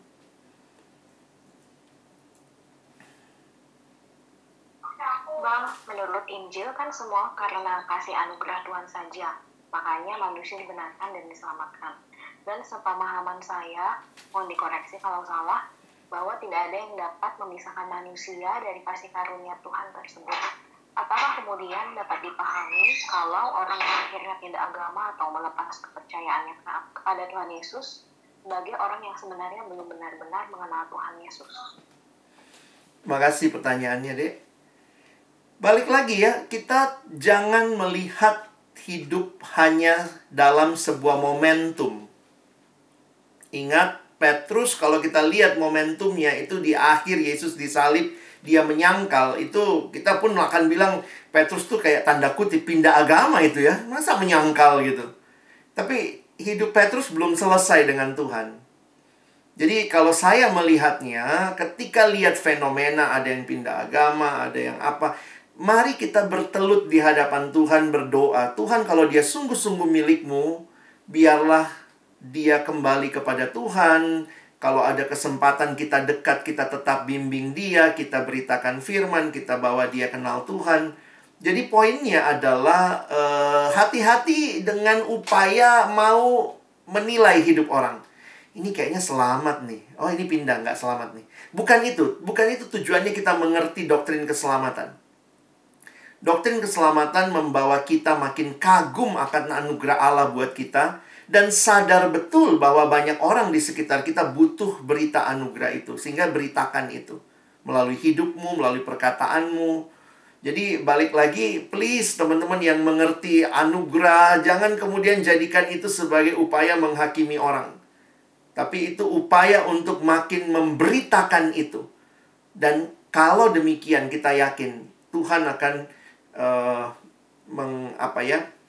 Mungkin kalimat cantiknya gini doktrin pilihan itu hanyalah menolong kita, sorry, pemberitaan Injil itu akan menolong kita melihat bahwa doktrin pilihan itu benar. Maksudnya apa? Bayangkan, waktu kita beritakan Injil ada yang bertobat, berarti benar dong ada yang dipilih. Dan itu melalui apa? Waktu dia dengar berita Injil, dia akan datang kepada iman yang sejati dalam Tuhan. Jadi poinnya adalah makin kita mengerti doktrin pilihan, harusnya kita makin rajin beritain Injil, bukan menghakimi. Ini masuk nih, ini enggak, ini mukanya masuk, ini mukanya enggak, bukan begitu. Mungkin gitu ya. Oke, selanjutnya, uh, apa sikap atau respon kita ketika lingkungan sosial terdekat kita banyak yang memaksakan pemahaman tentang hidup atau berpikir berdasarkan agama, bukan Injil? Ya, thank you ya buat pertanyaannya. Ya, saya pikir di sini kita harus bisa untuk melihat juga ya kita ada di mana, konteksnya apa. Dan mungkin ya saya harus katakan ya kekristenan di Indonesia salah satu yang termasuk kontaminasinya besar terhadap beragama ketimbang berinjil karena kita dikelilingi oleh mayoritas yang memang pengajarannya tentang tentang agama itu kuat. Mayoritas di negara kita itu kan fokusnya adalah apa yang kau lakukanlah yang membuatmu bisa datang sama Tuhan. Jadi banyak orang Kristen mungkin karena dia nonton di sinetron, dia nonton di eh, mimbar-mimbar uh, agama lain ataupun dia lihat seperti prinsip karena prinsipnya kan sangat logis. Anugerah itu kan kayak nggak logis gitu, ha? Berbuat dosa selamat karena anugerah, please deh. Di mana-mana kamu lakukan, kamu yang tanggung jawab. Kalau mau beresin ya ayo nanti terakhir ya tinggal timbang-timbang. Makanya kalau pakai timbang-timbang hukum tabur tuai nggak ada kita yang selamat. Siapa yang hidupnya benar-benar baik? Hukum tabur tuai nggak akan bawa kita ke surga. Nah, semua agama hukumnya sebagian besar tabur tuai. Ya, yang lain bilang anugerah, tapi ada lagi plusnya. Kekristenan berbicara lebih dari hukum tabur tuai. Ada anugerah. Nah, sehingga buat kita, saya kadang-kadang berpikir gini ya. Perbuatan kita mungkin akan berbicara lebih kuat lagi. Your life speaks louder than your words. Jadi buat teman-teman yang mungkin dalam situasi itu atau mungkin bahkan keluarga kita, orang tua kita, bahkan mungkin sintua di gereja, saya hanya ingin ingatkan dengan bagian tadi ya, Petrus aja yang begitu luar biasa sudah rasul masih bisa jatuh dalam kemunafikan karena nggak hidup sesuai kebenaran Injil. Jadi ya teman-teman mesti lihatlah ini bukan hal yang gampang tapi hal yang kita mau terus kembali kepadanya. Jadi preach the gospel to yourself and let your life speaks louder than your words to others. Mungkin begitu dulu. Selanjutnya, apakah anak Tuhan yang terus-menerus menambahkan suatu perbuatan pada karya Tuhan Yesus menembus dosa manusia dan tidak mau introspeksi, ia bisa masuk menjadi ajaran sesat. Apakah ia masih dapat dikatakan seorang yang percaya dan beriman kepada Tuhan Yesus? bagaimana kita untuk menghindari hal ini. Ya, makasih Kak Rita. Senang juga Kak Rita boleh ikut sama kita malam ini. Dan tiga malam yang lalu juga ya, dua malam sebelumnya. Um, nah ini ini menarik ya, karena kalau lihat pengalamannya uh, Martin Luther, kan dia ngomongnya gini, kalau itu gereja udah nggak beritain Injil, nggak hidupin Injil, ya udahlah itu bukan gereja gitu ya. Nah, uh, tapi akhirnya saya melihat begini. Ini kalau dalam eh, perspektif pribadi saya ya. Karena memang belum ada dari kita yang sempurna, maka saya tetap melihat kepercayaan pada Yesus sebagai satu-satunya Tuhan dan Juru Selamat itu sentral. Bagaimana kalau ada yang nambahin ini, nambahin itu? Tentu itu jadi menyedihkan, ya. Tapi saya juga nggak berani bilang nggak selamat. Jujur aja, karena bagi saya juga kita harus melihat kepada anugerah Tuhan. Balik lagi ceritanya belum selesai buat dia.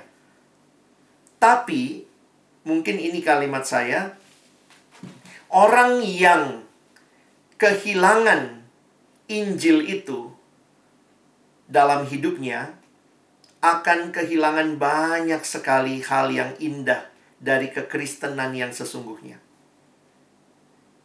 Jadi, gereja yang kehilangan Injil akan sangat kehilangan banyak sukacita, banyak kebebasan, dan hidup di bawah ketakutan, penderitaan, uh, cara berpikir yang salah. Tapi kalau ditanya, apakah kalau dia tidak, dia masih menambahkan sesuatu, itu selamat atau tidak? Saya nggak berani katakan selamat atau tidak karena saya melihatnya ceritanya belum selesai. Kira-kira waktu Paulus tulis surat kepada jemaat Galatia, kan dia ngomong sampai dua kali itu anatema itu artinya terkutuklah dia. Tapi bagi saya menarik tuh. Paulus tidak bilang kamu nggak diselamatkan. Tapi Paulus bilang kamu waktu percaya sama Injil yang lain terkutuklah kamu. Poinnya adalah Paulus tetap memberitakan Injil supaya mereka kembali ke Injil yang murni. Jadi akhirnya saya lihat lebih kepada itu ya. Bukan sekali lagi bukan akhirnya memutuskan kalau ini selamat nggak selamat. Tapi meyakini keselamatan sejati yang indah hanya dalam Kristus. Kalau ada yang menambahkan kepada itu. Terus beritakan Injil yang sejati supaya dia kembali ke situ dan biarlah pada akhirnya dia mengalami keselamatan dalam Kristus saja itu sebagai satu-satu yang utama. Jadi mungkin gitu kali Kak ya, e, melihatnya dalam keseimbangan untuk terus memberitakan kebenaran itu.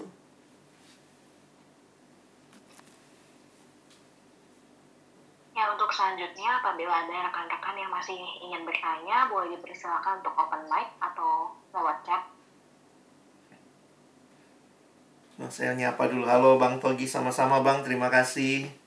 Thank you juga Abang setia sekali ikut pembinaan. Jadi Tuhan berkati terus Bang. Ada Angga juga, halo Angga. Nanti ya, sesudah pandemi baru ketemu.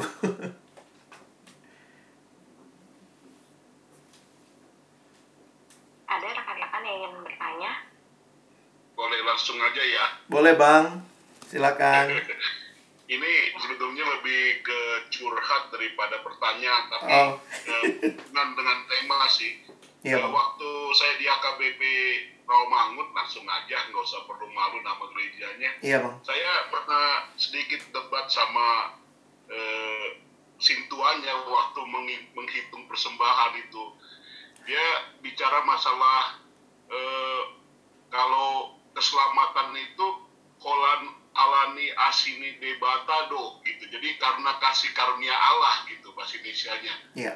Tapi waktu dalam pembicaraan sambil kita ngelurus-lurusin uang persembahan ini karena dulu dari dapur sebelum dari pemuda yang bantuin mereka, terus saya tanya kalau Inang mati malam ini, Inang ke mana? Gitu.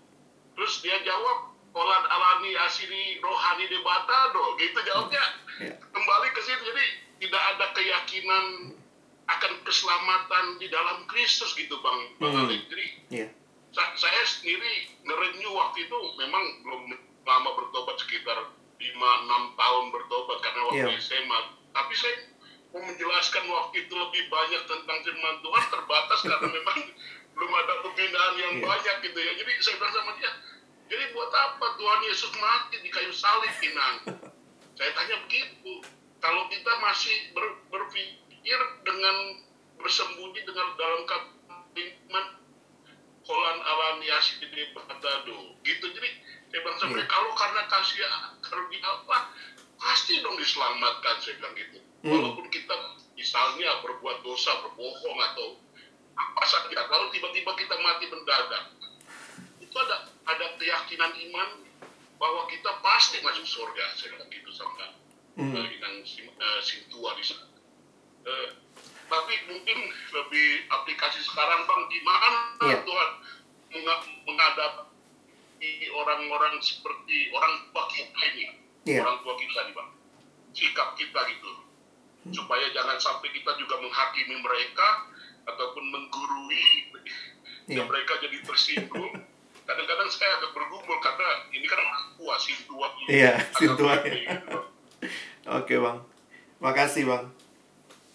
Ya, saya mungkin harus tegaskan juga ya. Saya setuju sama Bang Togi ya. kira-kira approach-nya gimana bang? Iya. Saya pribadi setuju sama approach yang yang lebih enak untuk menjelaskan kepada, Kepada- orang yang lebih tepat. Iya. Jadi di dalam apologetik sekarang dari kalau apologetik itu kan bagaimana mempertanggungjawabkan iman kita. Di dalam apologetik yang sekarang juga banyak yang fokusnya kepada gospel centered apologetics. Poinnya adalah kita tidak menghilangkan keyakinan. Tentu saya pikir kita yakin betul bahwa keselamatan hanya di dalam Kristus.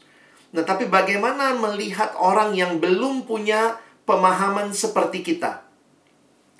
Gospel centered apologetics menolong kita melihat orang lain bukan saya lebih baik dari dia. Tapi sebenarnya kan kita juga dulu kayak dia. Nah, saya pikir itu sikap hatinya kita benarkan. Lalu dari situlah muncul percakapan-percakapan yang saya pikir sih Bang ya tetap ya harus ada percakapan, harus ada sambung rasa, ngobrol. Nah memang ini yang saya pikir ya nggak mudah buat kita di budaya timur menghadapi orang yang lebih tua. Tapi paling tidak mungkin kita bisa mulai dengan menjelaskan satu dua hal yang kita yakini. Ya kita state aja kalau saya Inang mungkin ya eh, ini balik lagi ya kita kan yang paling tahu konteksnya. Nggak gampang juga ini diajarkan begini gampang ngomongnya begitu sampai ketemu orangnya. Mungkin mulut kita juga susah buka ya. Tapi paling tidak saya saya mengha- menghayati begini ya. Salah satu yang perlu kita latih sekarang makanya ada buku bilang begini ada buku yang namanya gospel fluency. Mungkin kalau teman-teman tertarik sayangnya masih dalam bahasa Inggris kenapa saya tertarik dengan buku itu dia mengatakan begini sebenarnya di dalam kehidupan kita yang menghidupi Injil ini, kalau kita mengerti Injil, maka mari belajar kayak bahasa ya. Kalau kita punya bahasa baru, Ayo pelajari ngomongnya. Bagaimana ngomongnya supaya bahasa itu makin lazim. Makin fluent kita. Jadi itu saya juga pelajari. Itu berulang-ulang tuh saya pelajari. Agama, apa yang kita lakukan supaya selamat. Injil adalah apa yang Yesus lakukan supaya selamat. Jadi me, me, membiasakan lidah kita mengikuti pikiran yang sudah sudah kita pahami membahasakannya. Nah, saya pikir Luther belajar membahasakan itu dalam 95 tesis. Wah, kalau kita lihat itu, dia bahasakan ulang apa yang dia gali dari Alkitab. Nah, jadi poinnya adalah waktu kita terbiasa dengan bahasa Injil, ketika ketemu mungkin inang atau uh, orang tua kita yang tidak memahami itu, mari coba bahasakan dengan bahasa yang kira-kira akan membuat dia entah berpikir lebih jauh, entah melihat lebih jauh. Nah, saya lihat tadi yang teman saya lakukan di gerejanya, Bapak Senjaya, dia lakukan, dia bikin kalimat-kalimat tadi tuh. Nah, dia berharap dengan menstate itu, itu akan membuat jemaatnya fluent.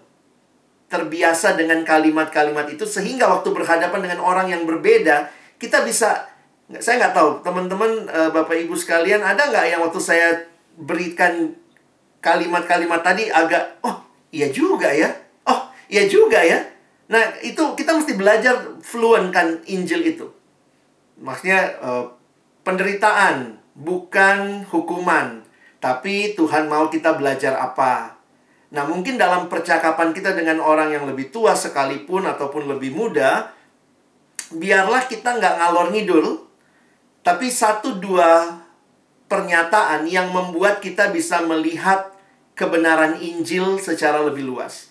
Dan tentunya kita berdoa juga uh, Tuhan akan memakai mungkin bukan cuma kita, pakai orang lain di sekitar inang itu atau sintua itu untuk akhirnya ya kita mungkin cuma jadi pembuka jalan nanti mana tahu dia baca, dia dengar khotbah, kita berdoa Tuhan makin menolong dia.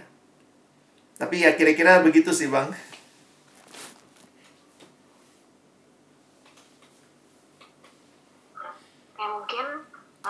rekan-rekan yang lain yang mau, mau memberikan pertanyaan atau sharing, boleh open mic, silakan.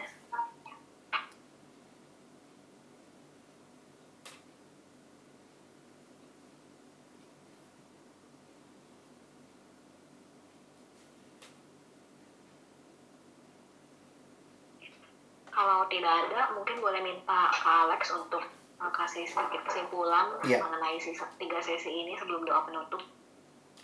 Baik, uh, sekali lagi saya bersyukur teman-teman kita bisa belajar sama-sama. Ini hal yang juga ternyata bagi saya pribadi waktu persiapan ulang, kemudian melihat lagi materi-materi karena sebenarnya beberapa kali saya sudah pernah bawakan, tapi kembali disegarkan melihat kepada memang Injil harus terus dihotbahkan buat diri kita juga. Dan uh, kiranya pengalaman belajar sama-sama makin menolong kita untuk in line with the gospel sehingga semangat reformasi apa yang Luther alami gitu ya. Kadang-kadang kita mikir ah, apa sih yang dia alami 500 tahun lalu kok sangat mengubah dia. Ya, itu yang dia alami, perjumpaan dengan firman membuat dia mengerti anugerah, membuat dia mengerti iman hanya dalam Kristus karena itu segala kemuliaan solideo gloria dan dia belajar ya. Saya pikir yang menarik mungkin saya nggak terlalu angkat. Kapan-kapan misalnya Bapak Ibu perhatikan ya 95 tesis itu ya. Dia coba mengkalimatkan apa yang dia buat dari pemahaman Alkitab dengan konteks gereja Katolik waktu itu. Jadi misalnya gereja Katolik mengajarkan begini. Jadi agak mirip kayak tadi ya. Agama bilangnya begini. Injil Bukan begitu. Wah, itu waktu kita perhatikan bagaimana dia menyoroti tentang iman, perbuatan, tentang uh, keselamatan, itu akan menolong untuk menghidupi semangat itu. Jadi saya berharap uh, tiga pertemuan ini teman-teman bisa sedikit menikmati reformasi yang dialami Luther dengan pemahaman yang memerdekakan dia dan mengubah hidupnya dan di masa ini Sekali lagi kita mohon Tuhan terus mereformasi gerejanya supaya makin selaras seirama dengan Injil yang adalah berita anugerah satu-satunya keselamatan hanya ada dalam iman kepada Yesus Kristus. Terima kasih Tuhan Yesus memberkati. Mari kita berdoa. Bersyukur buat kesempatan belajar yang sekali lagi Tuhan berikan. Kami sangat terbatas, kami lemah. Kami yang tahu hal ini pun mungkin jadi sombong karena merasa kami tahu pemahaman baru. Tapi sekali lagi kami tidak lebih baik dari mereka yang belum tahu pemahaman ini. Karena itu kami rindu memberitakannya, mengajarkannya, dan menghidupinya.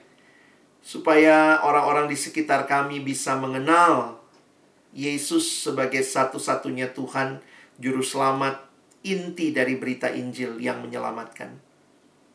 Kami juga bisa cenderung sombong merasa diri banyak pengetahuan, banyak pembinaan, tapi berikan kepada kami kerendahan hati untuk terus berkata terima kasih Tuhan.